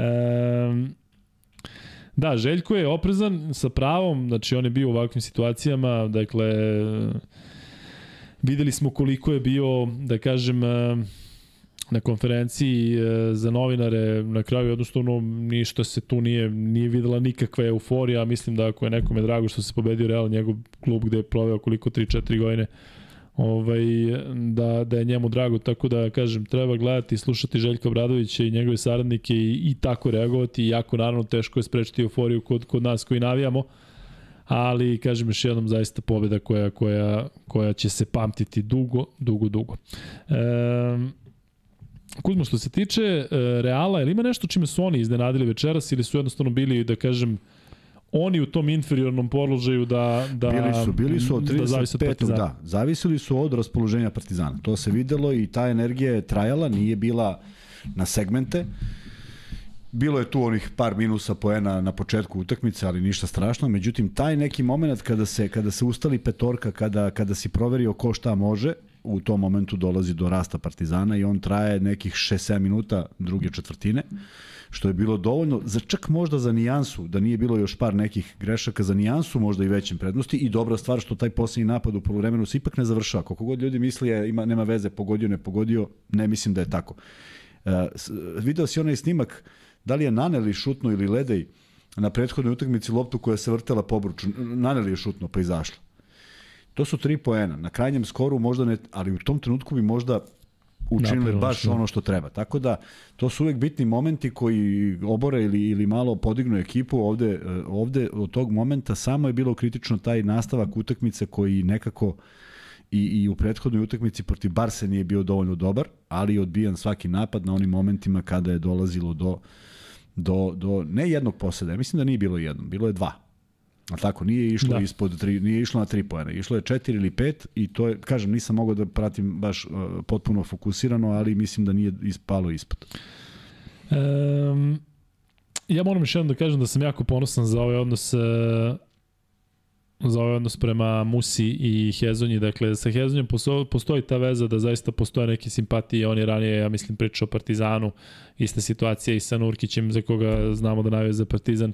Musa znamo da, da je blizak sa Novakom Đokovićem, da je zaista dobar momak. Tako da te neke stvari koje su ranije bile problem, pa, se ne, pa je bilo i nekih e, situacije, odnosno vređenja sa tribina, zaista moram da kažem da, da, da su ti momci zaslužili apsolutnu podršku, da su oni dali svoj maksimum kako i treba da bude, dakle nije da je sad neko se ustručavao, nego su oni hteli da se dokažu pred tim navijačima koji su ih pozdravili na, na taj način, tako da velika, velika uh, pobeda, rekao bih, uh, generalno gledajući da nema tog nekog vređenja i to je otprilike nešto što, što ovde um, uh, i volimo da vidimo i u chatu i u ovom communityu, dakle zaista da te nema nekih da nema tih nekih barijera e, bilo kakvog tipa između zemalja ili bilo čega, dakle e, zaista zaista svaka čast. E, ja bih sad prešao na igrače Kuzma ako nemaš ništa protiv. Ajde. Eto, pošto smo pričali uh, o Realu, reću samo, evo, pomenuću Musu i i Hezonju. Hezonja je dao 17 pojena, dao je 4 trojke, videli ste kakav je to šut i kako, kako to sve izgleda. Uh, E, što se tiče Džanana Muse, zaista fantastičan uh, učinak sa penala, 12 od 13, inače dobro šutira slobodno bacanje. Kada se mera protiv Virtusa imao neku krizu, promašio je ukupno pet ili, ili možda čak i više, ali to je bilo samo trenutno. Uh, Muse je na ovom meču dao 22 poena, bio najefikasniji u timu Reala, a Gabriel Paluba 17 poena, 7 skokova i 3 asistencije. Kuzma, jesi ti ispratio Palubu kako je odigrao danas? Nisam ispratio. Kako nisi ispratio? Paluba je, dakle, s onom frizurom Paluba, neviđen.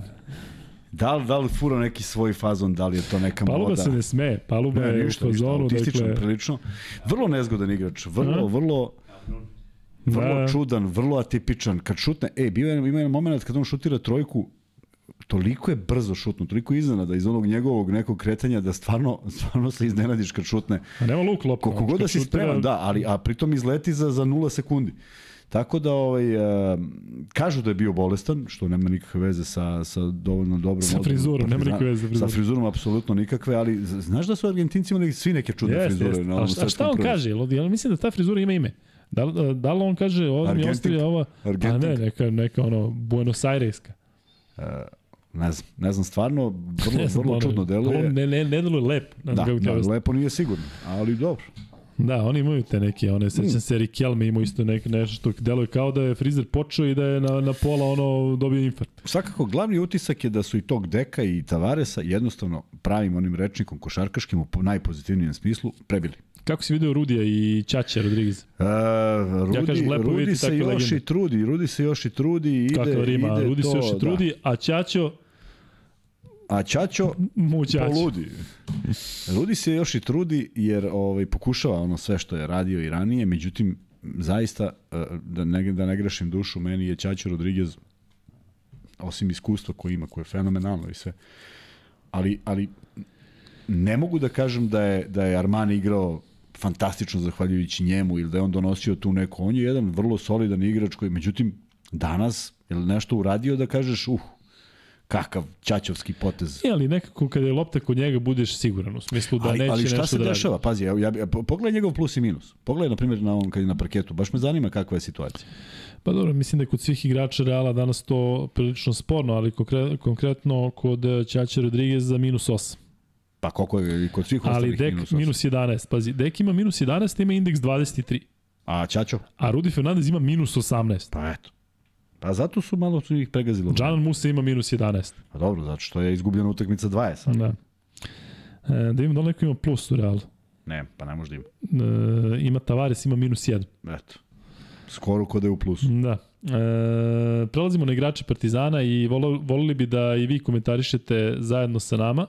Miksa, ti umeđu vremenu možeš da ugasiš ovaj, e, ovaj pol da vidimo šta ljudi e, smatraju ko je e, lider Partizana. Evo, pazi, 52% Exum, 23% Panter, e, 16% Lesor i 6% se e, slaže sa mnom za, e, za Ledeja, ali zaista Exum stvarno je neko ko je, ko je Rekao bih uvijek tu, u smislu i, i u što se tiče energije, što se tiče napada i što se tiče rešenja. Jako smo rekli da je njegova igra na neki način predvidiva, tako?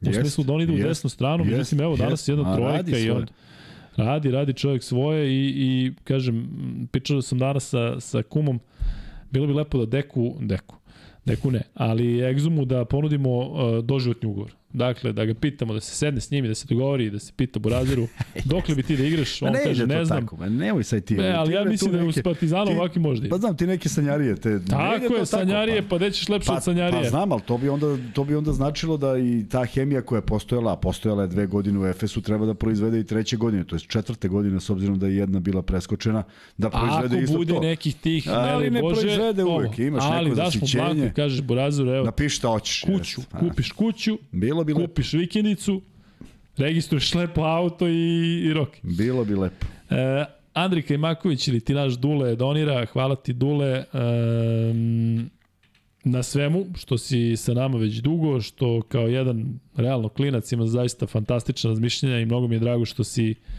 što si deo ove naše priče. Ima vas toliko sa, koliko, sa kojima smo se zbližili i kažem opet vraćam se na tu utakmicu kada se svi okupimo tamo jedva čekam ovaj da, da, da se svi zajedno družimo. Dakle, što se tiče igrača Partizana, e, Tristan Vukčević jedini nije igrao, ja bih volio da sam ga vidio bar malo, pa makar i onoj završnici, mislim da bi njemu značilo u smislu zato što je bivši igrač Reala, zato što tamo realno nije prošao, ali jedini koji nije danas igrao. Sledeći ovde koji je na, na na listi ćemo po brojevima je Zekle Dej. On je dao 6 poena, dao jednu trojku i tri slobodna bacanja. E, 0 od 3 imao za 2, 2 skoka i dve izgubljene. Međutim, Kuzma, da te pitam prvo, pošto znam da nisi gledao utakmicu, pa ću ja onda više neke te stvari tokom utakmice, kažem ono jako bitna trojka, ali kako komentarišeš da je Zekle Dej šutnuo slobodno bacanje za tehničku, kada su na terenu bili Panteri i Naneli? Ne znam. Ja to ima nešto tipa ono, trenutno je siguran ili ne znam šta. Ne znam, ne znam. Ali nekako mi se podrazumeo naš Panter. Nisam obratio pažnju. I Naneli i Zekle Dej lepo na tehničku Tavaresa, on staje šutira. To kad Tavares napravi tehničku, onda je dogovor da šutira. Da, da, kada tipa kao. Ali on, znaš, verovatno, znaš, po, po kolji. Pa kada igraju klinci futbal, pa na treningu, na utakmicama, kada je slobodan udarac, svi dignu ruku, znaš, i pa onda da. trener kaže, Žika, ovaj, možda je tako nešto. Ali Lede jeste igrao 26 minuta, ja kažem, on mi je, on mi je prilično siguran, jeste ta jedna trojka, ali jako bitna. Što se tiče Aleksa Avramovića, kažem, toliko bitna trojka na početku drugog polovremena da se, da se onako, jako je ta treća četvrtina bila za Partizan defanzivno jako loša u smislu da su primljena 34 poena, ali Aleksa je dao tu jako bitnu trojku. Aleksa je bio agresivni odbrani, jeste malo ovaj, slabije taj šut, 1 od 5 za 2, 1 od 4 za 3, dva skoka, jedna asistencija, dve ukradene, tako da ja nemam nikakav problem sa, sa, sa Aleksinim nastupom danas. E, Kevin Panter, 29 minuta, 16 pojena, 5 od 12 za, za 2, 1 od 2 za 3, 3 od 3 sa penala. On je takođe imao um, jako bitne momente, odnosno jako bitne šuteve u pojedinim momentima i ono Kuzma što je možda i, i najlepše kod njegove statistike, šest asistencija i tri ukradene. Da, To je interesantno i on preuzme ulogu da, da, da bude i neko ko dodaje i ko do, na, nalazi dobre pozicije.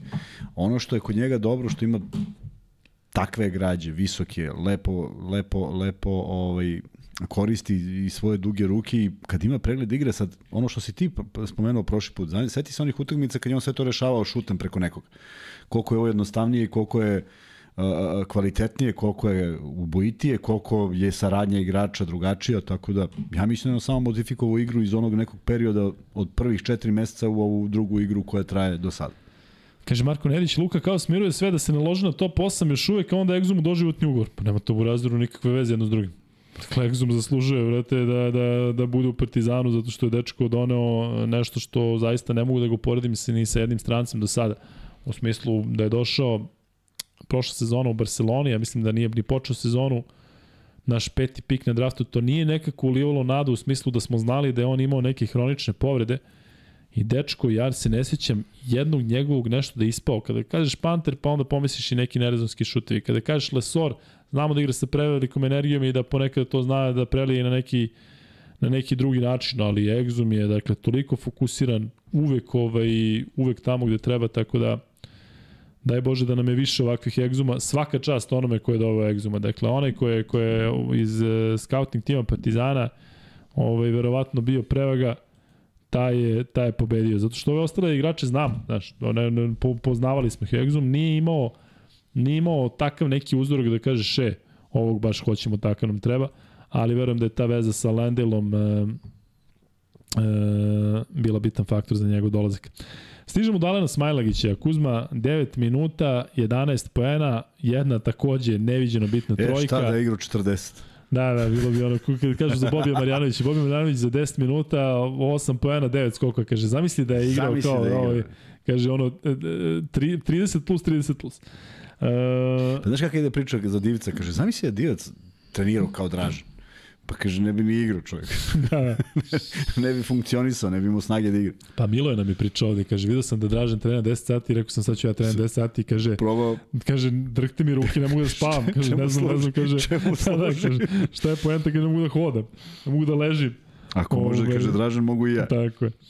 E, dakle, Smiley, svaka čast kako se nosio sa Tavaresom, ja mislim da to može još bolje. Dakle, ja mislim da, da, da Smiley može da igra još, još e, fokusiranije, dakle par puta su mu neke stvari prošle, ali bilo je interesantno kada je Željko zatražio time out, mislim da je bilo 11-13 i kaže, ovako pred njim kaže, uhvati bre tu loptu i opsuje, znači ispala mu je nešto lopta, ovaj, kad ne znaš više šta razumeš, ispada lopta, ali e, Smiley sa onom trojkom, sa energijom, vidim da to je bilo čak i neka, neki način da se sa njim sprde u NBA ligi, da je išao na zakucavanja u trenutku kad zaista nema tu visinu za kucanje, Tako je bilo i nekoliko puta večeras, ali zaista u prevelikoj želji. Znamo kakav momak ima fizičke predispozicije i Kuzma što se mene tiče, Smiley može bolje, ali mislim nakon svega što se dešavalo ovoj prošle sezone da je najbitnije da je zdrav. Ta kolena, sve to ne što samo se dešavalo... Da je zdrav. Mislim da je mnogo bitnije što ispunjava te zadatke. Dakle, zdravlje na prvoj, prva, prva stvar, ali vrlo je bitno da je on došao od jednog igrača koji, za kojeg smo se često pitali što je sad napolju. Taman je počelo, on je već napolju, došao do igrača koji to, tu svoju minijaturu odigra kvalitetno. Danas je ponovo to uradio, znao je šta mu je zadatak, upao u problem sa faulovima.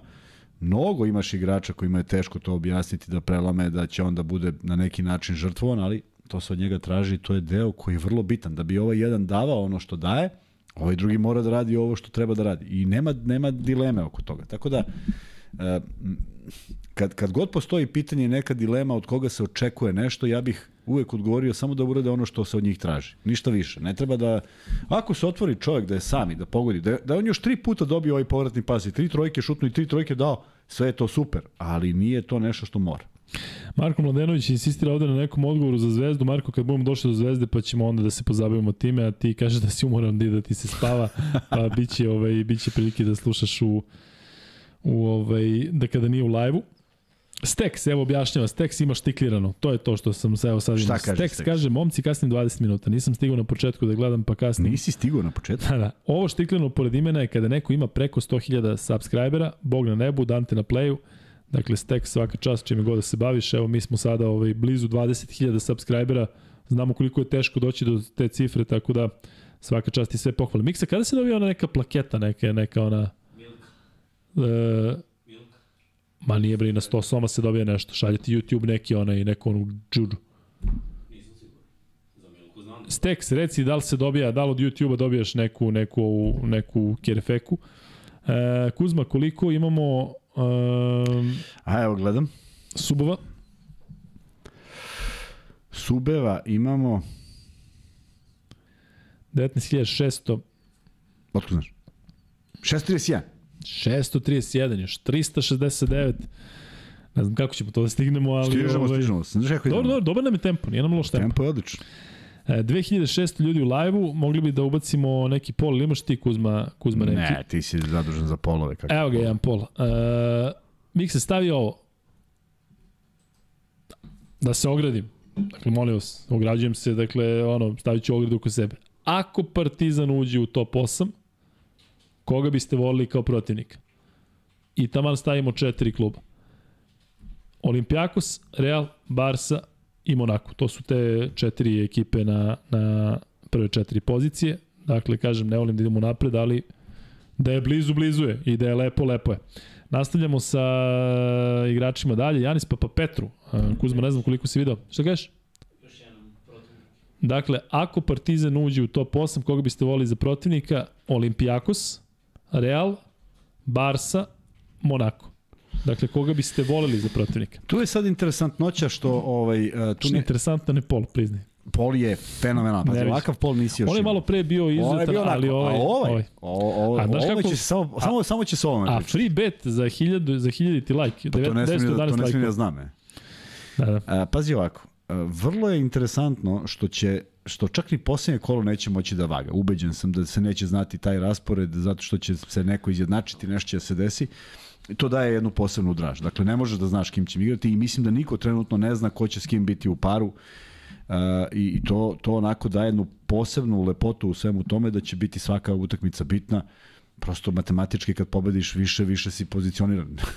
Nema mnogo nešto, nešto mnogo nauke. Tako da, uh, pretpostavljam da ima nekih timova koji žele da se izbegnu, onako kad bi birali koga mogu, ali dobro je što se to neće dešavati. Nema sigurno četiri trenutno, ili ima? E, sigurno su u play-offu, ali ne, ne garantovano da, sa četiri to. Da. Dakle, sve to ima još uvijek vremena, vremena da se promeni i to je vrlo dobro za, za, za, za zanimljivost koju donosi ovaj, Euroliga. Mm, da, evo, mislim sam da se ovde ljudi zezaju. Kuzma, si vidio vest ovu? Koji? Dejan Radonjić potpisao za budućnost. Dejan Radonjić, novi trener budućnosti. Svašta. A? Koji je datum danas? A, ja se izvinjam, e sad... 1. april. Da, sam samo te da vidim tvoju reakciju. Pa de, pa, 1. april danas. Da, da, pa evo ga sad i krenuo. Au. Svašta. E, ovo nije 1. april, nadam se. Orahovac Montenegro, naš verni gledalac, koji je e, poslao sliku s Mićom, bilo je na utakmici, kaže da ga je žena iznenadila i da je kupila karte. A ti znaš da nam je slao one snimke sa, sa broda, ono, kad se ljulja sve živo. Da, da, da, ono, fenomenalno. Kaže, Kuzma, molim te pomeni u podcastu da sam izgubio novčanik jutro sa dokumentima, karticama i 350 evra. Na ime Marko Lalošić. Ljudi, ako je neko našao, kaže... A samo reci gde, gde, gde je izgubio, da ne tražimo sada... Marko, gde si izgubio? Pazi, kaže, ako neko nađe, neka zadrži pare, samo nek mi vrati novčanik i dokumenta.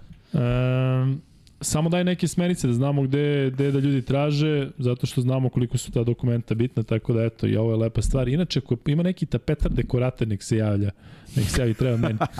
Kad smo već kod toga Kad da koristimo. Toga. Da. E, na lukikuzme.gmail.com e, Dobro. E, sledeći igrač o kojem ćemo pričati biće, e, ne znam što smo prekinuli, Janis pa Petru Kuzma. Janis je danas e, dao mnogo bitne poene, 4 od 5 za 2, 2 od 2 sa penala, 5 e, skokova i vjerojatno bi još mnogo bolje da nije e, napravio tu treću ličnu, pa zatim tehničku. E, čudan je taj kriterijum kako se dobijaju tehničke greške, dakle i James je danas dobio protiv Bajana, dakle uhvatiš se za glavu i nešto kao malo potrčiš i onda sudije kao proceni da je tehnička. Jel to u, u tvoje vreme, gde, gde su bile te granice? Šta je trebalo da uradiš? Jel baš trebalo da ga opsuješ sočno? A sad imamo i te kao opomene, znaš, kao ovog pratite, kao, znaš, ono kad jave kao su, ostalim sudijama, kao trener ovaj kao, spazite ga kao opomena pre tehnički. Uh, mislim, mislim da se malo preteruje u reakcijama, u reakcijama ako su one benigne, ako neko, znaš, šta hoće sudija da spreči? Hoće sudija da spreči tvoje hvatanje za glavu da podigne publiku koja će onda da skandira ili da napravi ne znam šta. Ali ubija se malo emocije u košarci, znaš, neko se stvarno iznenadi nekom glupošću koju se sva, faul stvira, nisu sudije bezgrešne, pa sad on baš tvrdi da je to bio faul ili da, da mu je izletelo što je svirnuo, tako da uvek može, može da bude malo neke kompenzacije, ali mislim da, da stvarno ovaj, osim unošenja u lice i nekog dozbiljnog vređanja ne bi trebalo da neke stvari budu ovaj, tehnička greška. Ima onaj moment kada je Nedović gleda, ako sećaš na, na, na vrtelo se po mrežama, kad je svira na klupi, da, da. neko je stajao ili neko dobacio, mislim, to Bilo je su vremena nisu... i da je Danka nešto gledao naš prema nekom sudi, pa se nešto Valas, smejao. Rašid Valas gledao i kaže, ovajte gleda, jest. još ovaj zezanja, kaže, ovajte gleda, on mu da tehničku i isključujuću. Ne, nisu to stvari koje treba da se rade, ali ovaj, ako je već kriterijum takav, onda voditi računa šta drugo može se uradi. Um, kaže, kaže da je izašao u bloku 64 kad izašao iz taksija. Pa eto. Blok 64, neko, da. dakle, uf, to sa tim taksitima je pa, ajde, da molimo, zato što da, smislu ako, ako ispalo nađe. tu, onda možda je neko prošao pa je uzeo, pa ne znam šta, ali... Ko zna, ali eto, ako eto. neko nađe novčanik, makar neka, ne, da zna da Nek je Nek se javi Marko, nama pa ćemo da. mi da, da, da prosledimo Marku. Um, Kuzmo, Papa Petru, nikako da mi kažeš da li smo Papa pa, Petru pa, ovaj, mogu, čekali ne, i dočekali da ne, zaista bude ovak. Ne mogu da ti, ovaj, ne mogu ti kažem, kažem nisam mogu da gledam celu utakmicu. Ali znaš šta je, evo da ti prepričam, vrlo, vrlo, vrlo ukratko. Ajde. Dakle, pogodio one šuteve koje uzima, sada je pogodio, Koliko dakle ono kad uzme, 22 minuta, 10 poena, jedan promašaj samo, e, nije šutirao za 3, 4 od 5 za 2, 2 2 sa penala, 5 skokova, e, dve izgubljene, dobra odbrana, dobra energija, Dakle, kažem, samo je napravio treću, pa je napravio tu četvrtu tehničku, pa smo zato krenuli ovu priču, ali zaista Papa Petru jedan od te šestorice jedan od... koji su danas bili dvocifreni, ali zaista je pogađao u bitnim trenucima isto u toj trećoj Pogodio je, ako je pogodio kad treba, to je već dovoljno bitno, ali mislim da je odradio opet onaj prljav posao, između ostalog zato i dobio i falovi tehničku i sve to u nekako rok službe, zato što mora da se zna ko šta radi i, i deluje da iako nije na onome što je očekivano da je, da je, da je vrlo bitan u, u, u igri Partizana, naročito večeras, jer ova utakmica je morala da bude da svi nekako budu u svom najboljem izdanju, mislim da su zaista velika većina bili.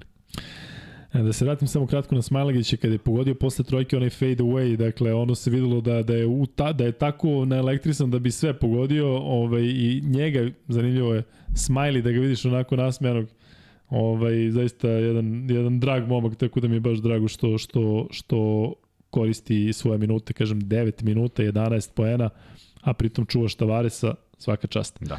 Dante Exum 23 minuta 15 poena, 3 od 4 za 2, 2 od 4 e, za 3, 3 od 4 sa penala, 4 skoka, 3 asistencije bez izgubljene indeks 18.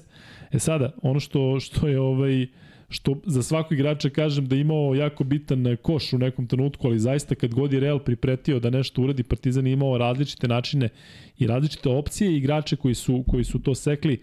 Egzumova trojka, vredna kao zlato i eto Kuzma vidim da se ovde mnogi slažu sa tom ovih 50% da je Egzum u stvari taj neki lider Partizana. Šta ti kažem? Ja mislim da samo zato što si ti rekao. Nerado se slažu, e, jeste. Da, da su tu stvari zvezdaši koji prate, pa da. sad kao ajde. Sad, Onih 30% su postali ovih 50. Ti da si rekao, dakle, lider Partizana, šta god, oni bi napisali 100%. E, Koliko još može više Exum? Šta može recimo u igri Exuma da bude još dodatno pa da kažeš da budeš na većem nivou?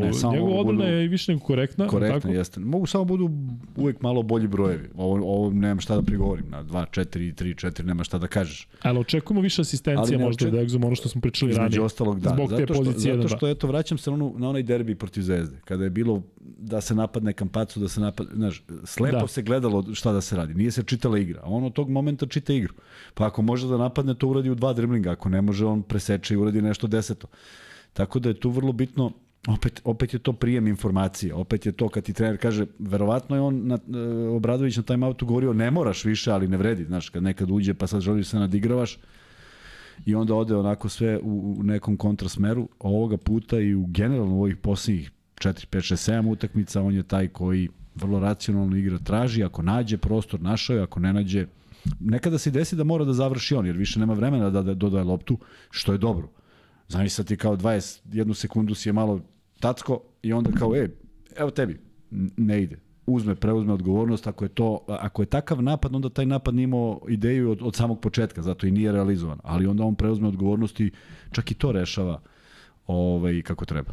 Mene podsjeća malo na Harisa Brkića, ali vidiš ti neke sličnosti u smislu ne. da je onako jači, a da ima taj neki dvokorak koji ne zadrživi, da i kreće onako prvi, drugi korak da su specifični, pa, zato što kažem fizički kad korak, ga vidiš, da, da je, ali, mislim da je, da je izuzetno jak, a da možda ne deluje, ne deluje tako korak, da, da, ali možda se to izgubilo u košarci, na primjer on nema, on nema naskok na dve noge. Ne pamtim kad je uradio ako nije baš floter pa si samo dodirno u, u jednom kontaktu ali ovaj, da, vrlo je, vrlo je opasan kada uzme zalet. Ako mu dozvoliš da uzme zalet, u desno je savršen, u levo ako uzme i krene na koš, onda je jako teško zaustaviti ga, a mahom ga čuvaju niži igrači. To, je, to ne mogu kažem da je problem, nego takva je koncepcija drugih ekipa. Um, James Nanali 14 pojena, 5 od 6 za 2, nije šutirao za 3, što je vrlo interesantno, 4 od 4 je sa penala, 2 skoka, 2 asistencije bez izgubljene i njegov indeks je 18 e, kao i kod Exuma, međutim e, drugačije sve to izgleda kada pogledate statistiku, naneli sa onim zakucavanjem u kontri, zaista ne da su počeli svi da plešu, nego svi su letili na teren. Ja sam se čak u jednom trenutku zabrinuo da možda bude tehnička, jer su svi e, rezervni igrači Partizana kada je zvao Ćus Mateo timeout, počeli da skaču i da igraju na centru, ne znam da li je ono dozvoljeno ovo je u onakvoj meri, ali zaista jedan poseban moment na večerašnjoj utakmici. E, Kuzma Naneli je, eto, nismo ga stavili ovde kao lidera, ali on svojim iskustvom sa tom vezom koju ima sa Obradovićem ranije, tako mislim je. da je jedan od pouzdanih igrača. Ono što kaže Obradović, verujem tom igraču, mislim da se to neko podrazumeva što se tiče Nanelija, da za, zaista ima poverenje u njega. Ima i od prvog dana ima i zato je doveden zašto u njega ima najviše poverenja i samo je bilo pitanje momenta kad će to da klikne. Nije, ovaj se nervirao, dugi niz utakmica nije imao to neko samopouzdanje, neke utakmice su ajde da kažem, propuštene zbog toga što on nije bio dovoljno dobar, međutim, onoga momenta kad je rešio prvu, sve to leglo, danas je odigrao odlično. Koji su njegovi brojevi? Nisi slušao sad kad sam pričao. Pa malo sam. Naneli, 14 da. pojena, 5 od 6 za 2. 5 od 6 za 2. 4 od 4 sa penalom nije šutirao za 3, pa to ali to. to mi se najviše dopada. Dakle, on koji je generalno šuter za 3 pojena. Ako nije u da. poziciji, ne moraš da juriš. Ne, šta da siliš. Dolazimo do Lesora koji je za 31 minut imao 16 poena, 7 od 9 e, za 2, naravno nije šutirao za 3, 2 od 3 sa penala, 8 skokova, od čega polovina u napadu. Tri asistencije, dve ukradene i ni jedna izgubljena kada je on oteo loptu, kome je on oteo iz driblinga? Musi kada je oteo loptu iz driblinga. E, zaista, ja sam, moram priznati da sam se zabrinuo kada sam vidio da nije počeo petorci u smislu kako će to da utiče na njega, zato što je jednostavno navikao da on bude taj koji počinje i uglavnom ovaj, e, neku energiju crpi odmah od prvog minuta, od nekog prvog skoka, od prvog zakucavanja, međutim ušao je, odigrao e, i na kraju on imao najveću minutažu, iako nije bio u startnih pet, indeks 29, potpuno zaslužena igrač utakmice, čak i nije delovalo uh, da je bio toliko dominantan tokom samog meča, ali opet imao jednu jako bitnu blokadu, imao je nekoliko zaista sjajnih poteza i čini mi se da Lesor igra sve, takođe kao što govorimo za Nalija, sve racionalnije i da to može čak u njegovom slučaju da bude još i bolje. Igra jako snažno, igra sa velikom agresivnošću, ima, ima neke pokrete koje možda i ne bi očekivao. Izleti, uleti, sve sa nekom neviđenom energijom.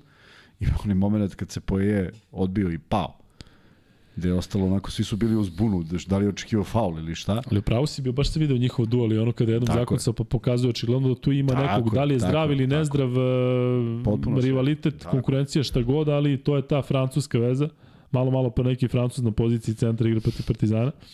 Ali zaista svaka čast Lesoru, e, zato što je i on bio i u ovom meču motorna snaga Partizana, ponovo je na njemu napravljeno najviše faulova, ukupno šest. Tako je. E, I što se tiče, što se tiče Lesora, ja zaista ne smem da razmišljam i da zamislim kako bi to bilo da on ima šut. Dakle, Kuzma, ne znam da li si vidio danas, on je u jednom trenutku bio sam na desnom laktu, potpuno sam, ma nije ni pogledao ka košu. Dakle, čak se malo i uspaničio, znaš, o, ja mislim da ga Poirier čuvao, dakle, što da ne uzme šut? Će neko da mu zameri? Neće nikad niko. Ali ne znam zašto toliko beži od, beži od tog šuta.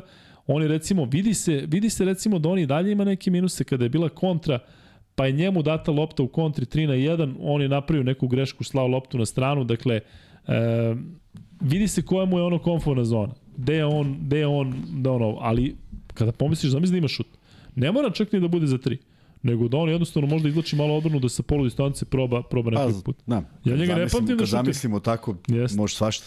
Uh, ja samo se zahvalim za, za 20.000 ti sub, jel? Nije, nije za 20.000. Uh, Mima Jaca iz Čikaga nam ovaj, šalju novac preko Paypala. I Mima kažu, Jaca, Mima opet žena. Jaca, kažu, nastavite sa radom, super ste, veliko hvala. Nenad Krstić nas... kaže, izvini, pokazala mi žena kako da doniram ili uspelo. Pa neš, ovde si, ovde si zabeležen kao donacija, tako da je uspelo. Mislim da si me ti pitao kada ću kod eh, tetka Mire u Kruševac. Biće moment... Uh, 19.642. Još 358. Tako je, dakle, se rastemo i prilazimo 20.000. Ja mislim neko kada krenemo na NBA, da će tada odjednom da krenu ovi NBA-evci da kažu. Ovaj, dakle, prilazimo 20.000 uh, pratiocu i kaže bilo bi lepo da to ostvarimo večeras zajedno sa vama. Ostalo mi još malo igrača Partizana da prokomentarišemo. Uroš Trifunović 4 poena, 9 minuta počeo petorci, dao onu jako bitnu trojku. Ja sam očekivao veću, veću minutažu, međutim Uroš e, čini mi se fokusiraniji nego ikad. Pa, prosto to mu je, to mu je posao. To je ali, minutaža. ali vidiš, imao je uh, turbulentan početak sezone, po jednom trenutku eksplodirao, Gotovo, pa je onda je... opet opet pao. Ja sam mislio sada da će da uticati na njega. Samo se desilo, ne, samo se desilo da je u tim nekim utakmicama stvarno doneo i tu neku napadačku, napadački talent i pogodio neke stvari i onda bio, pa je onda izletelo kao, e sad još jedan. Ne može još jedan u moru ovih pet. ne može još jedan šuter. Može da uleti kad je potrebno. Kad nije potrebno, on mora da oradi svoj deo posla koji je opet odradio dobro. I mislim da na tome treba da fokusira svoju igru i sav svoj fokus da usmeri na to. Kad uradi tako nešto, minuti će doći, dobit će neku drugačiju ulogu.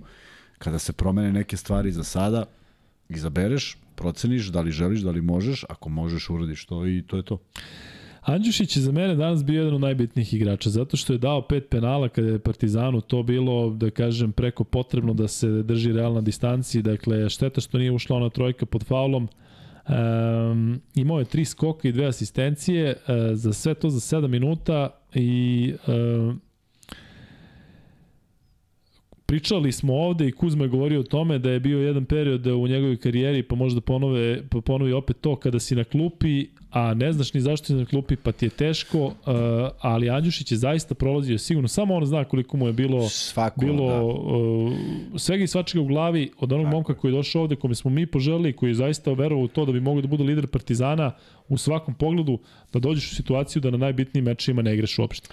Svako od nas koji je prošao to zna šta trpiš, šta podnosiš, nekada pravedno, nekada nepravedno, neka sa nekom porukom, nekada bez ikakvog smisla. Uh, ono što ono što je evidentno da je došao kod trenera, najtrofejnijeg trenera današnjice, da verujem da mu ideja bila da mu, da, da mu veruje, verujem da su hteli da naprave takav odnos. Da li su očekivanja bila drugačija? Verovatno jesu, ali realnost je ova i mislim da još uvek ima mnogo do kraja sezone, da Andjušić može da pronađe sebe u toj nekoj novoj iluziji, ako nije takva kako je on zamislio, pa znaš kako, nije ni to realno, znaš, to su ti konflikti koji dolaze ako će Obradović Saša proceniti da James nije za tu ulogu, šta, šta, šta mislim, šta će ovaj da kaže važi. Neće reći važi, nego tera svoje. Ne, za jedan tim koji želi uspeh, nije dobro tako i e, e, znam da bude razočarenje, znam da ljudi posumnjaju u sebe, posumnjaju u svašta nešto, ali moraju da istraju, moraju da se prilagode, dobiješ direktivu da urodiš to, izađeš i urodiš i to i to je sve okej okay, i doprinosiš timu maksimalno koliko možeš. Mnogo bolje nego da se inatiš ili da igraš svoju igru. Od toga nema ništa. Boki, pozdrav za Čićevac, dolazim, ne brini, mm, znam da ti pitaš ovaj, tako da, da bit će prilike. E, pozdrav za one momke iz Čićevca koji su poslali onaj e, legendarni snimak kako se cirka i gleda gleda podcast. E, fali nam još 40 lajkova do tog pitanja koje povezuje Partizan i Zvezdu do tog drugog free beta, a nama je ostao još jedan igrač, to je Jamadar koji danas nije igrao puno ali je zato uspio da se upiše na kraju, što mislim da je onako, koliko je Kuzma to bitno nekada, mi komentar, komentatori insistiramo na tome, znaš, svi koji su ušli u igru da se upišu, kada tako fali jedan pa se malo forsira, ja. to je jedna lepa stvar u smislu da onako, ali... da, za publiku više, tako. E, Madar 6 minuta, ta dva poena, e, ali nekako uspeo tri lopte da izgubi. E, tako da biće jam dobar, samo da ovaj da da još malo stekne neko iskustvo, još jednom da kažem da bez obzira na to što je on bio jedan od najboljih igrača u svom godištu u Evropi, što je u HPL Tel Avivu bio toliko, toliko važan, što ima ovo druga sezona u Partizanu, imajte razumevanje, ovog prvi put igra Euroligu, nije jedini, kažem, pričali smo i za Aleksu i naravno tu su Trife, još neki igrači, Smiley, tako da e, mora, mora da se stekne neko iskustvo. Pitanje za Kuzmu, kako stojiš sa francuskim influencerima? Pojavljuje se... To ima veze sa bilo čim. Pa genijalno, zato što, ima, da, da, zato što u prenosu, u prenosu utakmice prikazuju ko sedi u publici. Aha, ima I kaže Jason Tatron, kaže francuski influencer. I Darko, ja gledamo i počnemo se smemo jer smo u pauzi. I Darko kaže, kako stojiš sa francuskim influencerima? Kaže, baš mi je drago što ga vidim. A u prenosu rekao, ne? Izuzetno mi je drago što je ovaj došao na utakmicu. A on vidi Strano. sebe na semaforu i maše, onako, i uzeo da se slika. Sjeva. E,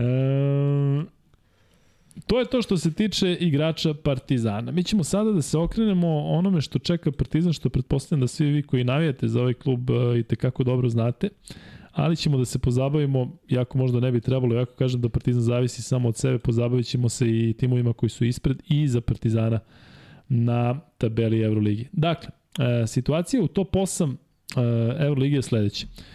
Olimpijakos prvi 23-9, Olimpijakos koji je večeras pobedio Panathinaikos, Barcelona 22-10. Real posle ovog poraza takođe ima 22-10, Monako 21-11 nakon triumfa protiv Bayern. I onda, dakle, dve pobede manje je Makabija, koji je u nevjerovatnom nizu 19-13, Fenerbahče ima 18-14, Fenerbahče izgubio 4 od poslednje, poslednjih pet utakmica. E, Partizan 18-14 kao i Fenerbahče, šteta što Partizan nema u taj, taj breakeru bolji odnos i Baskonija, sada idemo na timove iza Partizana, Partizan je dakle sedmi, Baskonija i Žalgiris imaju 17-15. Dakle, Baskonija osma, Žalgiris deveti. E, Partizan ima bolji odnos i sa Baskonijom i sa Žalgirisom, e, većim razlikom je pobedio Baskoniju u Beogradu nego što je izgubio u Vitoriji, a Žalgiris je dobio oba puta i ovo što smo Kuzma i ja rekli malo pre, sada tek e, se vidi koliko je u stvari to značajna i bitna stvar. Što se tiče rasporeda Partizana, Kuzmo, možemo i da, da zakačimo tu utakmicu, da ne moramo da se vraćamo na ABA ligu. Dakle, Partizan igra protiv FNP-a.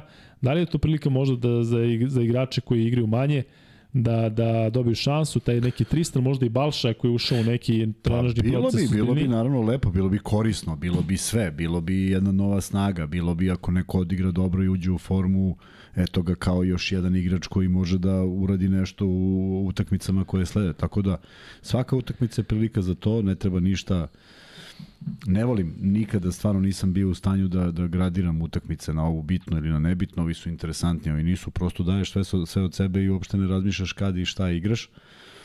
Ali zaista prilika da se neki igrači odmore, ovo je bila ozbiljna. Uh, uh, ovo je druga utakmica u nedelji. Ja bih razumeo da je ovo prva, pa da je ta energija bila u prvoj, kako je jeste bila protiv Barcelona, ali nije bila dovoljna. Međutim, imati ovakvu energiju u drugoj utakmici je ako pogledaš sve utakmice koje su igrale danas su, su splasnule u odnosu na, na, na prethodno kolo.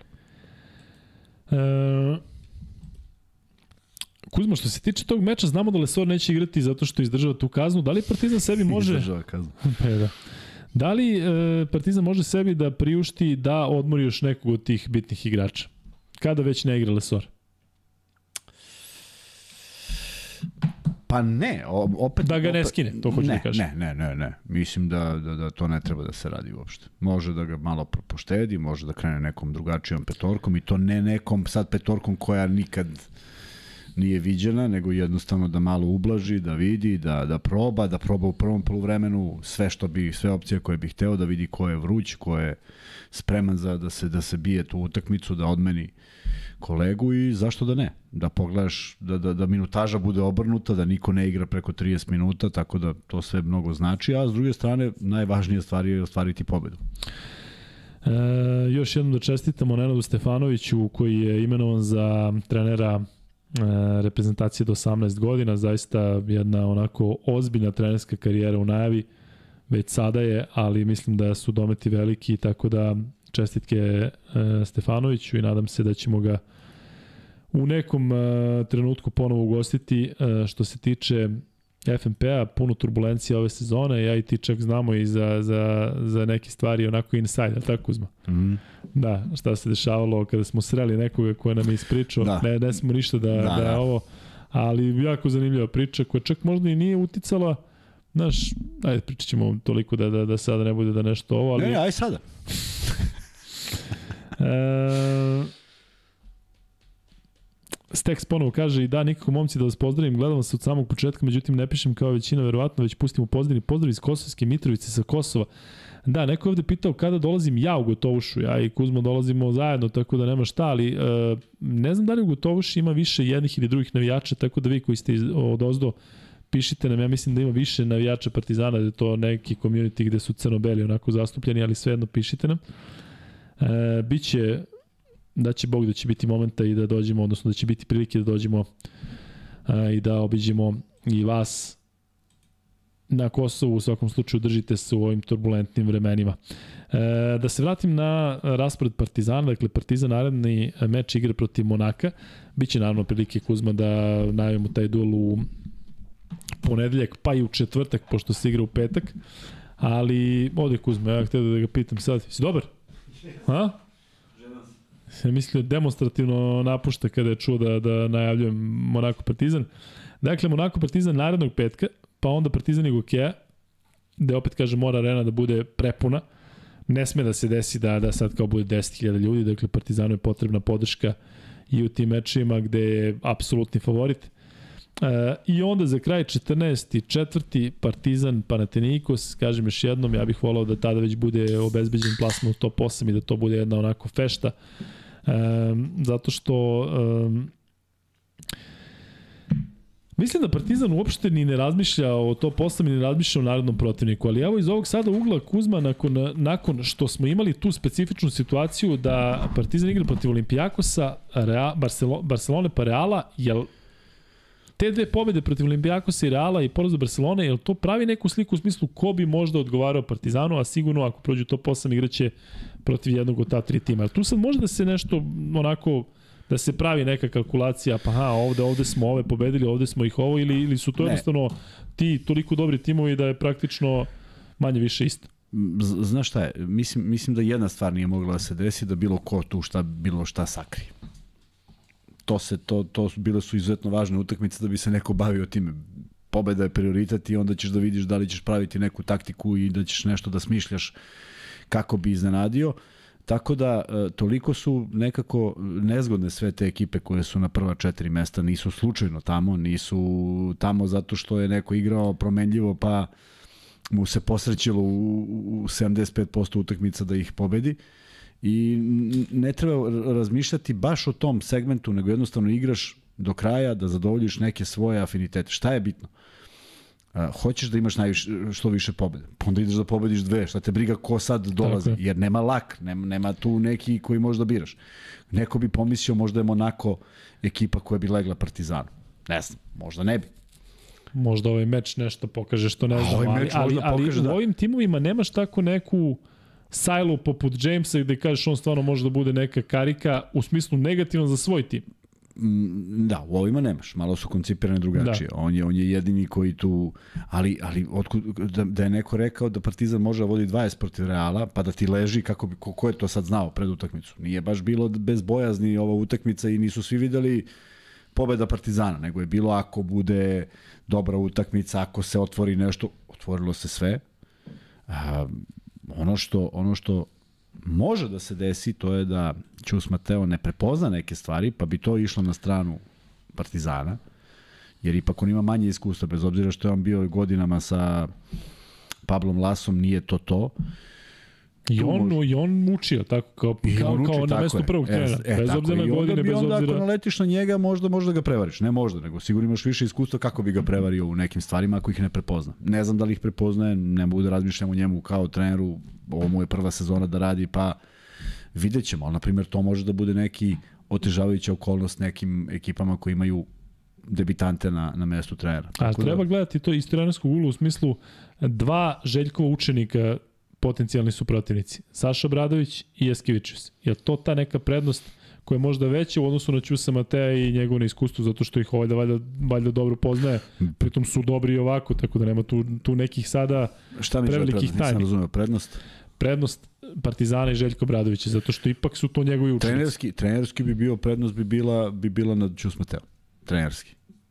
Ovi se poznaju, znaju se verovatno. Pretpostavljam da, da taj Jasikivičius i Željko imaju neki drugačiji odnos od odnosa dva trenera, pa moguće da ovaj provodi vreme i skautira sve živo što ovaj radi, pa je možda ga bolje poznaje. Dakle, ne znam šta radi u slobodno vreme i da li ima slobodno vreme ili je posvećen košarci konstantno, ali to je veći izazov i veća obaveza za njega da nadmudri učitelja. Tako da, da. bi možda bilo zgodno izbeći tako nešto, a s druge strane, Čini mi se da on unosi dodatnu nervozu u svaki playoff koji je Barcelona igrala u prethodnim godinama kad je on tamo, za razliku od Žalgirisa s kojim je došao do Final Fora.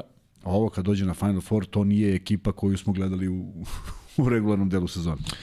Aleksa, imali jako lepe reči, hvala ti puno, hvala puno i Dekiju Tiganju iz uh, Stokholma, kaže, sa treće smene psihijatrije. Uh, Deki, veliki pozdrav za tebe. Došli smo do 1000 lajkova, tako da idemo na free bet. Uh, ti miksa možeš da ugasiš ovaj pol, da nam više ne smeta ovde u, u četu. Dakle, ako Partizan uđe u top 8, koga bi volili kao protivnika, da vidimo šta ste vi rekli. Opcije su naravno Monako, Olimpijakos, Real i Barsa. E, dakle, nekako se poklapa sa ovim o čemu pričamo, a vi ste rekli da bi najviše volio Monako, što je bilo očekivano, 58%, 19% Olimpijakos, Barca 11% i zamisli, Real 9%, Real koji je pobeđen pre 2 sata. Mislim da naša publika gleda prilično realno. Pa ne, ozbiljno, znaš, nije sad kao, pobedili smo Real i sad ćemo da ih gazimo, sad smo da, da, da, da nego zaista mislim da bi trebalo pa, treba, Treba biti, znaš, stvarno je bitno biti realan i mislim da u tom segmentu je vrlo bitno ovo što si spomenuo na početku da su izjave kakve jesu. Dakle, nema euforije, ako je euforija bila na samom terenu, bila je euforija i posle. Mi nismo radili studio jer se u stvari snimalo šta se dešava u areni, što je naravno mnogo normalnije nego da mi sad pričamo šta se desilo kako je Asfalt podbacio jedna ekipa. To prvi put da nema studija Nije, pa, redko se dešavalo da, da se da se podudara, a ovo da. je stvarno trajalo, imalo je razloga, mnogo više razloga snimiti to nego, nego bilo šta pametno da kažemo na jednoj utakmici koja po prvi put sam osetio onako neprijatnost da gledam jednu ekipu koja nema apsolutno nikakvu obavezu. Jer meni zaista ovaj ja Da, ne, znam na što misliš ili meni ne poštovanje, poštovanje, poštovanje igre, poštovanje svega toga, jednostavno ja nisam sebi Ne znam ko je njihov, ko je njihov, ne, štima on je stupio. Ajde kao da razvijemo mlade, nema ne, tamo, ne, znam, ne znam, uopšte ne znam koncepciju šta je, ali ovo što se dešavalo, ta, ta, to ludilo na terenu, Uh, 3 od 19 trojke i dalje se ide na trojke, onda neki neobavezni šutevi, onda ma prosto neverovatno uopšte kad pogledaš uh, neke, neke učinke pojedinih igrača, pitaš se kako je moguće da su u Euroligi. Da. A, stalno se priča Doćemo o tome kako su oni fizički dominantni, ska, sko, šta, šta to znači? Šta to znači savremeni košarkaš dobro skače? Pa čekaj, da zna nešto ili ne zna. Ovo mi je delovalo i to da nije bilo dekoloa. Uopšte ne znaš za koga da se uhvatiš da je nešto smisleno uradio. Možda ovaj Debost, Dibost, Debost, otko znam. Dibost. Dibost I to je to. Tako da, stvarno bi bilo besmisleno da se prekine ili na, na, u tom trenutku dok Partizan slavi, a na sport klubu 2 kao mi kao, znaš, bilo je to dobra utakmica. Da.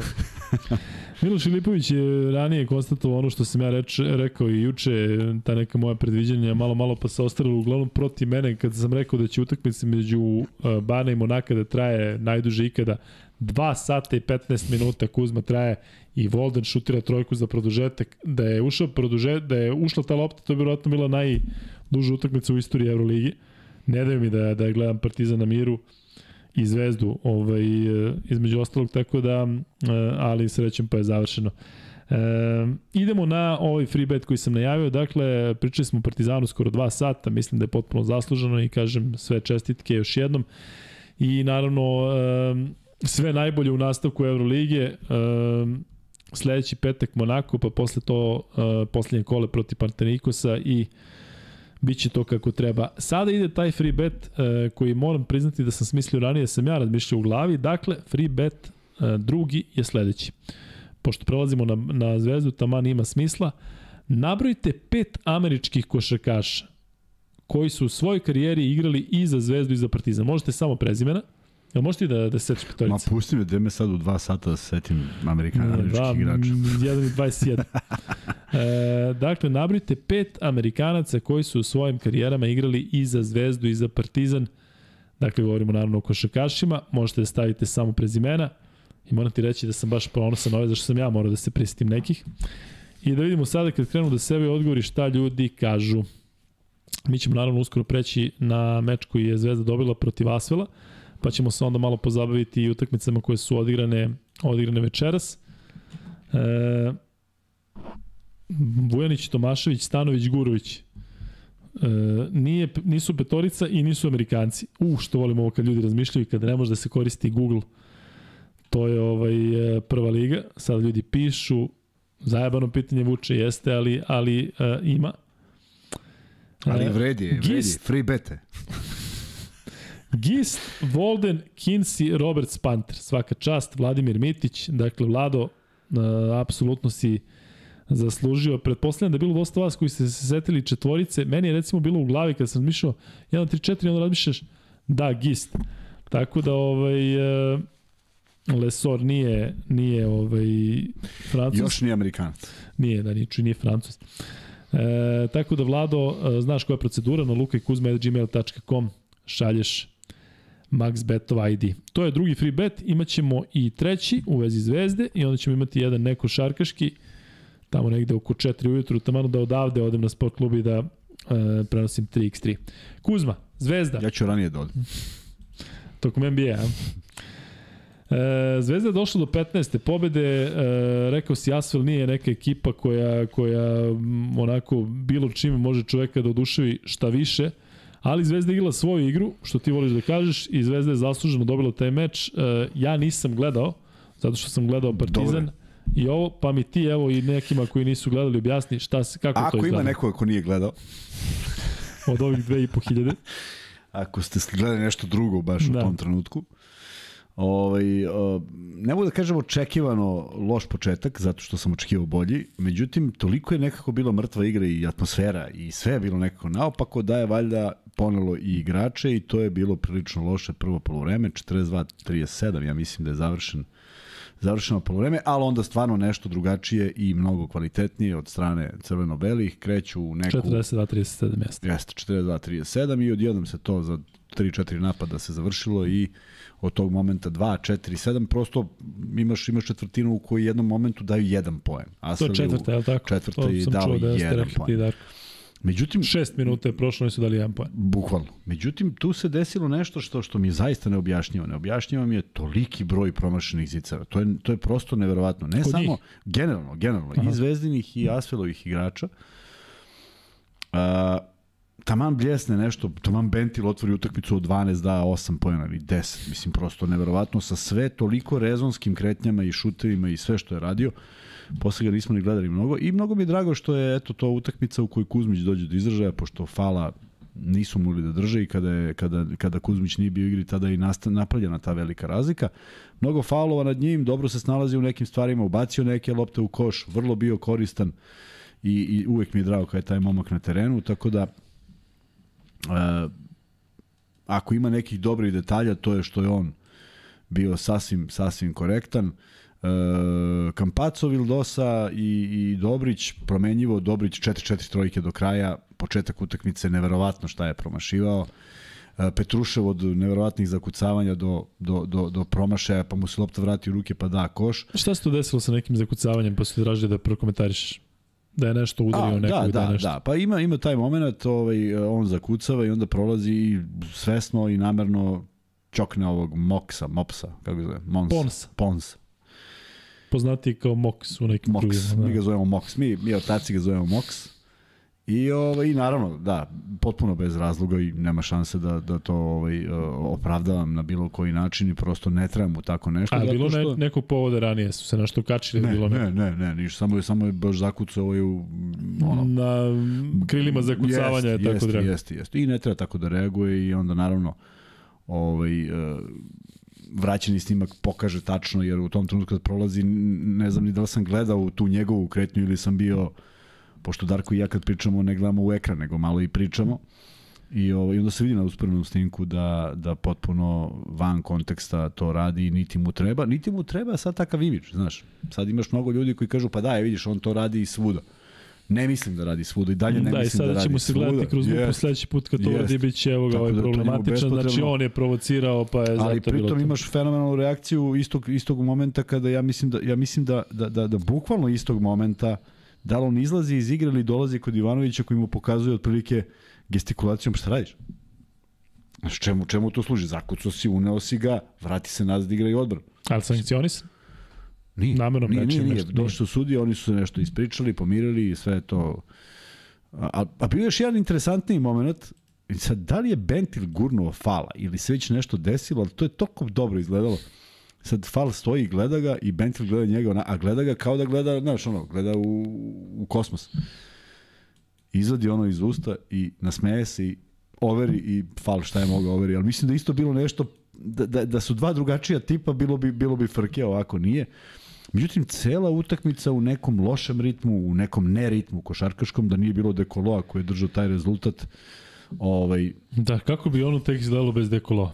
A to može da se, da dobro, se zamisli. Dobro je igrao, ja mislim da su ga molili, Da. da. ajde kao igrali da ne izgledamo užasno. Ja sam bio pravo za Diboste i ovog Obasona Ma da su ništa, oni... ma kakav Obason, kakav onaj drugi, ma to je čudo šta su oni radili, koje su to ideje bile i koji, ko, ko, A su oni sami od sebe Majke takvi ili su ih zvezdini ovi bekovi? Ajde, ne, ne, ne, sami od sebe. Kako zove onaj treći na, na K? Daj mi još jedno. Kao, pa to ne možeš da veruješ. To majke što je najgore, on, Pa on ne, ima stvarno se pitaš da li pripada, da li tu pripada. To, to, to ne, ne, nema veze s mozgom. Ovaj, svako za sebe, svako u nekom svom ritmu. Onaj mali risešer, risešer. Da, On vežba, on uči, to, to, to je lepo, on Ma, šutne, 17 nategne, pa da, sve je to lepo. Ja mislim da je mali Topić četiri puta formirani igrač koji ne igra Euroligu sticam okolnosti i koji bi verovatno svaki minut bolje potrošio nego eto konkretno Risa Sher. I uopšte cela ta atmosfera i, i zaista sedimo i postavljamo pitanje da li zašto nema ispadanja iz te Evrolige koje je poslednji majku mu, mislim, za ne bi bilo potpuno nekako logično ne menjaš nekog tamo iz Evrokupa koji je deveti, nego menjaš nekoga ko je, ko je zaista to zaslužio. I baš me zanima kako će se razvijati dalje priča o Vaselu. Iskreno ti kažem, ne, Šta očekuješ ti? pa ne znam, znaš da su bili neki nagoveštaji da Parker prodaje neki svoj deo Da, i da, sve on je ponudio nešto. Ne znam. Ako se ne do, dozovu pameti i naprave malo respektabilnije timove u kojem ne vidim od, odnos ovaj, brat-brat nego nešto da neko može da... Vidite, te bratske, bratski, pa, ti baš smetaju, to prvo posao, si pa to nije posao. Mislim, Da. imam ja braću i sestre i sve, ali nikad ne možemo da radimo posao na tom nivou. Možemo nešto domaća radinost, ali ne možeš ovo. Znaš, čovjek koji, šta on treba da uradi da bi bio smenjen? Koliko treba da ima poraza? Ja stvarno misliš da na 8 8-24, ili tako, to će biti skor, pošto dve gostuju. Da. Jel misliš da ima trenera koji preživi 8-24? Pa nema, ne bi bilo ni jedno. Tako da, Šta mislim da Pritom- tu neprijatno kada se pregovara oko plate. Znači imaš Burazira Pa da. koji ti je vlasnik i predsednik i sada ti Koliko kao ti sedeš misliš s njim kao da kao koja je realna, realna cifra, znaš. Tako da vidjet ćemo. Kaže Crni Grobar da je, Luk, e, da je odustao Parker od prodaje svog dela. Verovatno zašto niko neće da kupi. Verovatno je zato odustao. Ponudio i rekao vidim da nema vajde, tako da da je to to. Kuzma, e, što se tiče tog malog risašera, kaže da je Topić formiraniji, ali jel ti deluje da, da ma može ne nešto njega da ništa, bude? ništa nije Ti bilo si protiv. Ćaleta igrao, tako? Znaš šta sam uradio? Jeste, bio jako nezgodan. Da Vorke, tako, A, s kosicom. Ono. Jeste, jeste. I on je baš A igrao... potpuno drugačiji tip igrača kad pogledaš ovaj šuter, Ne, ovaj, ovaj, spori, a ovaj mali pipa vrh, vrh Da, ali ovo, ali ovo je znao da tako uđe na ulaz i sakrije tom levom rukom da ne možeš ništa. Znači gabaritan onako vrlo, vrlo se lepo kretao. Međutim, ostala mi je uspomena i sa tim Asvelom, one, oni su nas dobili u prvom kolu Evrolige, baš u prvom u Sarajevu, a onda smo ih demorirali, demoli, demorirali Te dema, demorirali smo ih. pala nek. u, u revanšu i zaista divan osjećaj. A to je- asfalt, to ta to je ta, dvorana. to je ta dvorana, da. I ustaje cela dvorana i aplaudira, a mi na plus 20. Strava. Čekaj, E, ispričam kako sam dao neki poen. koliko si dao te, se sećaš? 70. Nema, za, ne, nema zabeleženo. Srećom nema zabeleženo. Dobro, ne bih se zaista zadržavao na igračima Asfala, zato što mislim da apsolutno uopšte, ne, ne zaslužuju. Ajmo mi što se tiče Zvezde. Holland igrao samo 5 minuta, dao čovjek trojku. Holand, Holand promašena data i onda kreće u neke kreacije, kreativnost mu nije jača strana, čim on treba nešto da smisli, to ni, nije bilo dobro, ali vrlo, kon, kon, vrlo Ne treba da uopšte da on smišlja. Ne treba, ne treba, ne treba, ne treba. I rekao sam to u prenosu. Kada su Marković i, i Kampaco, kada su Kampaco i Vildosa, kada su bilo koja dva playmakera na parketu, ne treba Dobrić da organizuje napad, ne treba Bentil da smisli, ne treba Holland da smisli. Prosto zna se ko treba smisli i to je to. Međutim, Holland vrlo solidan učinak, agresivan, dovoljno da napravi neke, neku pometnju na terenu, pogodio tu jednu trojku, jednu šutnu potpuno sam, onda ove druge stvari već, već je bilo kasno pa izašao i nije se vraćao. Kuzma, za nas koji nismo gledali, molim te objasni uh, Vildosu koji imao 10 poena, 6 skokova, 8 asistencija kao blizu triple dubla i onda šut za 2, 2 od 8, šut za 3, 1 od 7. Šta se tu dešavalo? Pa upravo, upravo izbor. Znači šut iz igre 3 od 15. Neka manja potrošnja. Ne znam, mislim, o, o, o, o, ova utakmica je toliko sve bilo naopako da, da nije važno, bilo je dovoljno za pobedu, ali u nekim ozbiljnim utakmicama koja sledi, sledi Olimpijakos, da stvarno moraš da budeš ozbiljniji ako želiš da odigraš dovoljno konkurentnu utakmicu protiv Olimpijakosa. Šta kažeš da je puka podcast?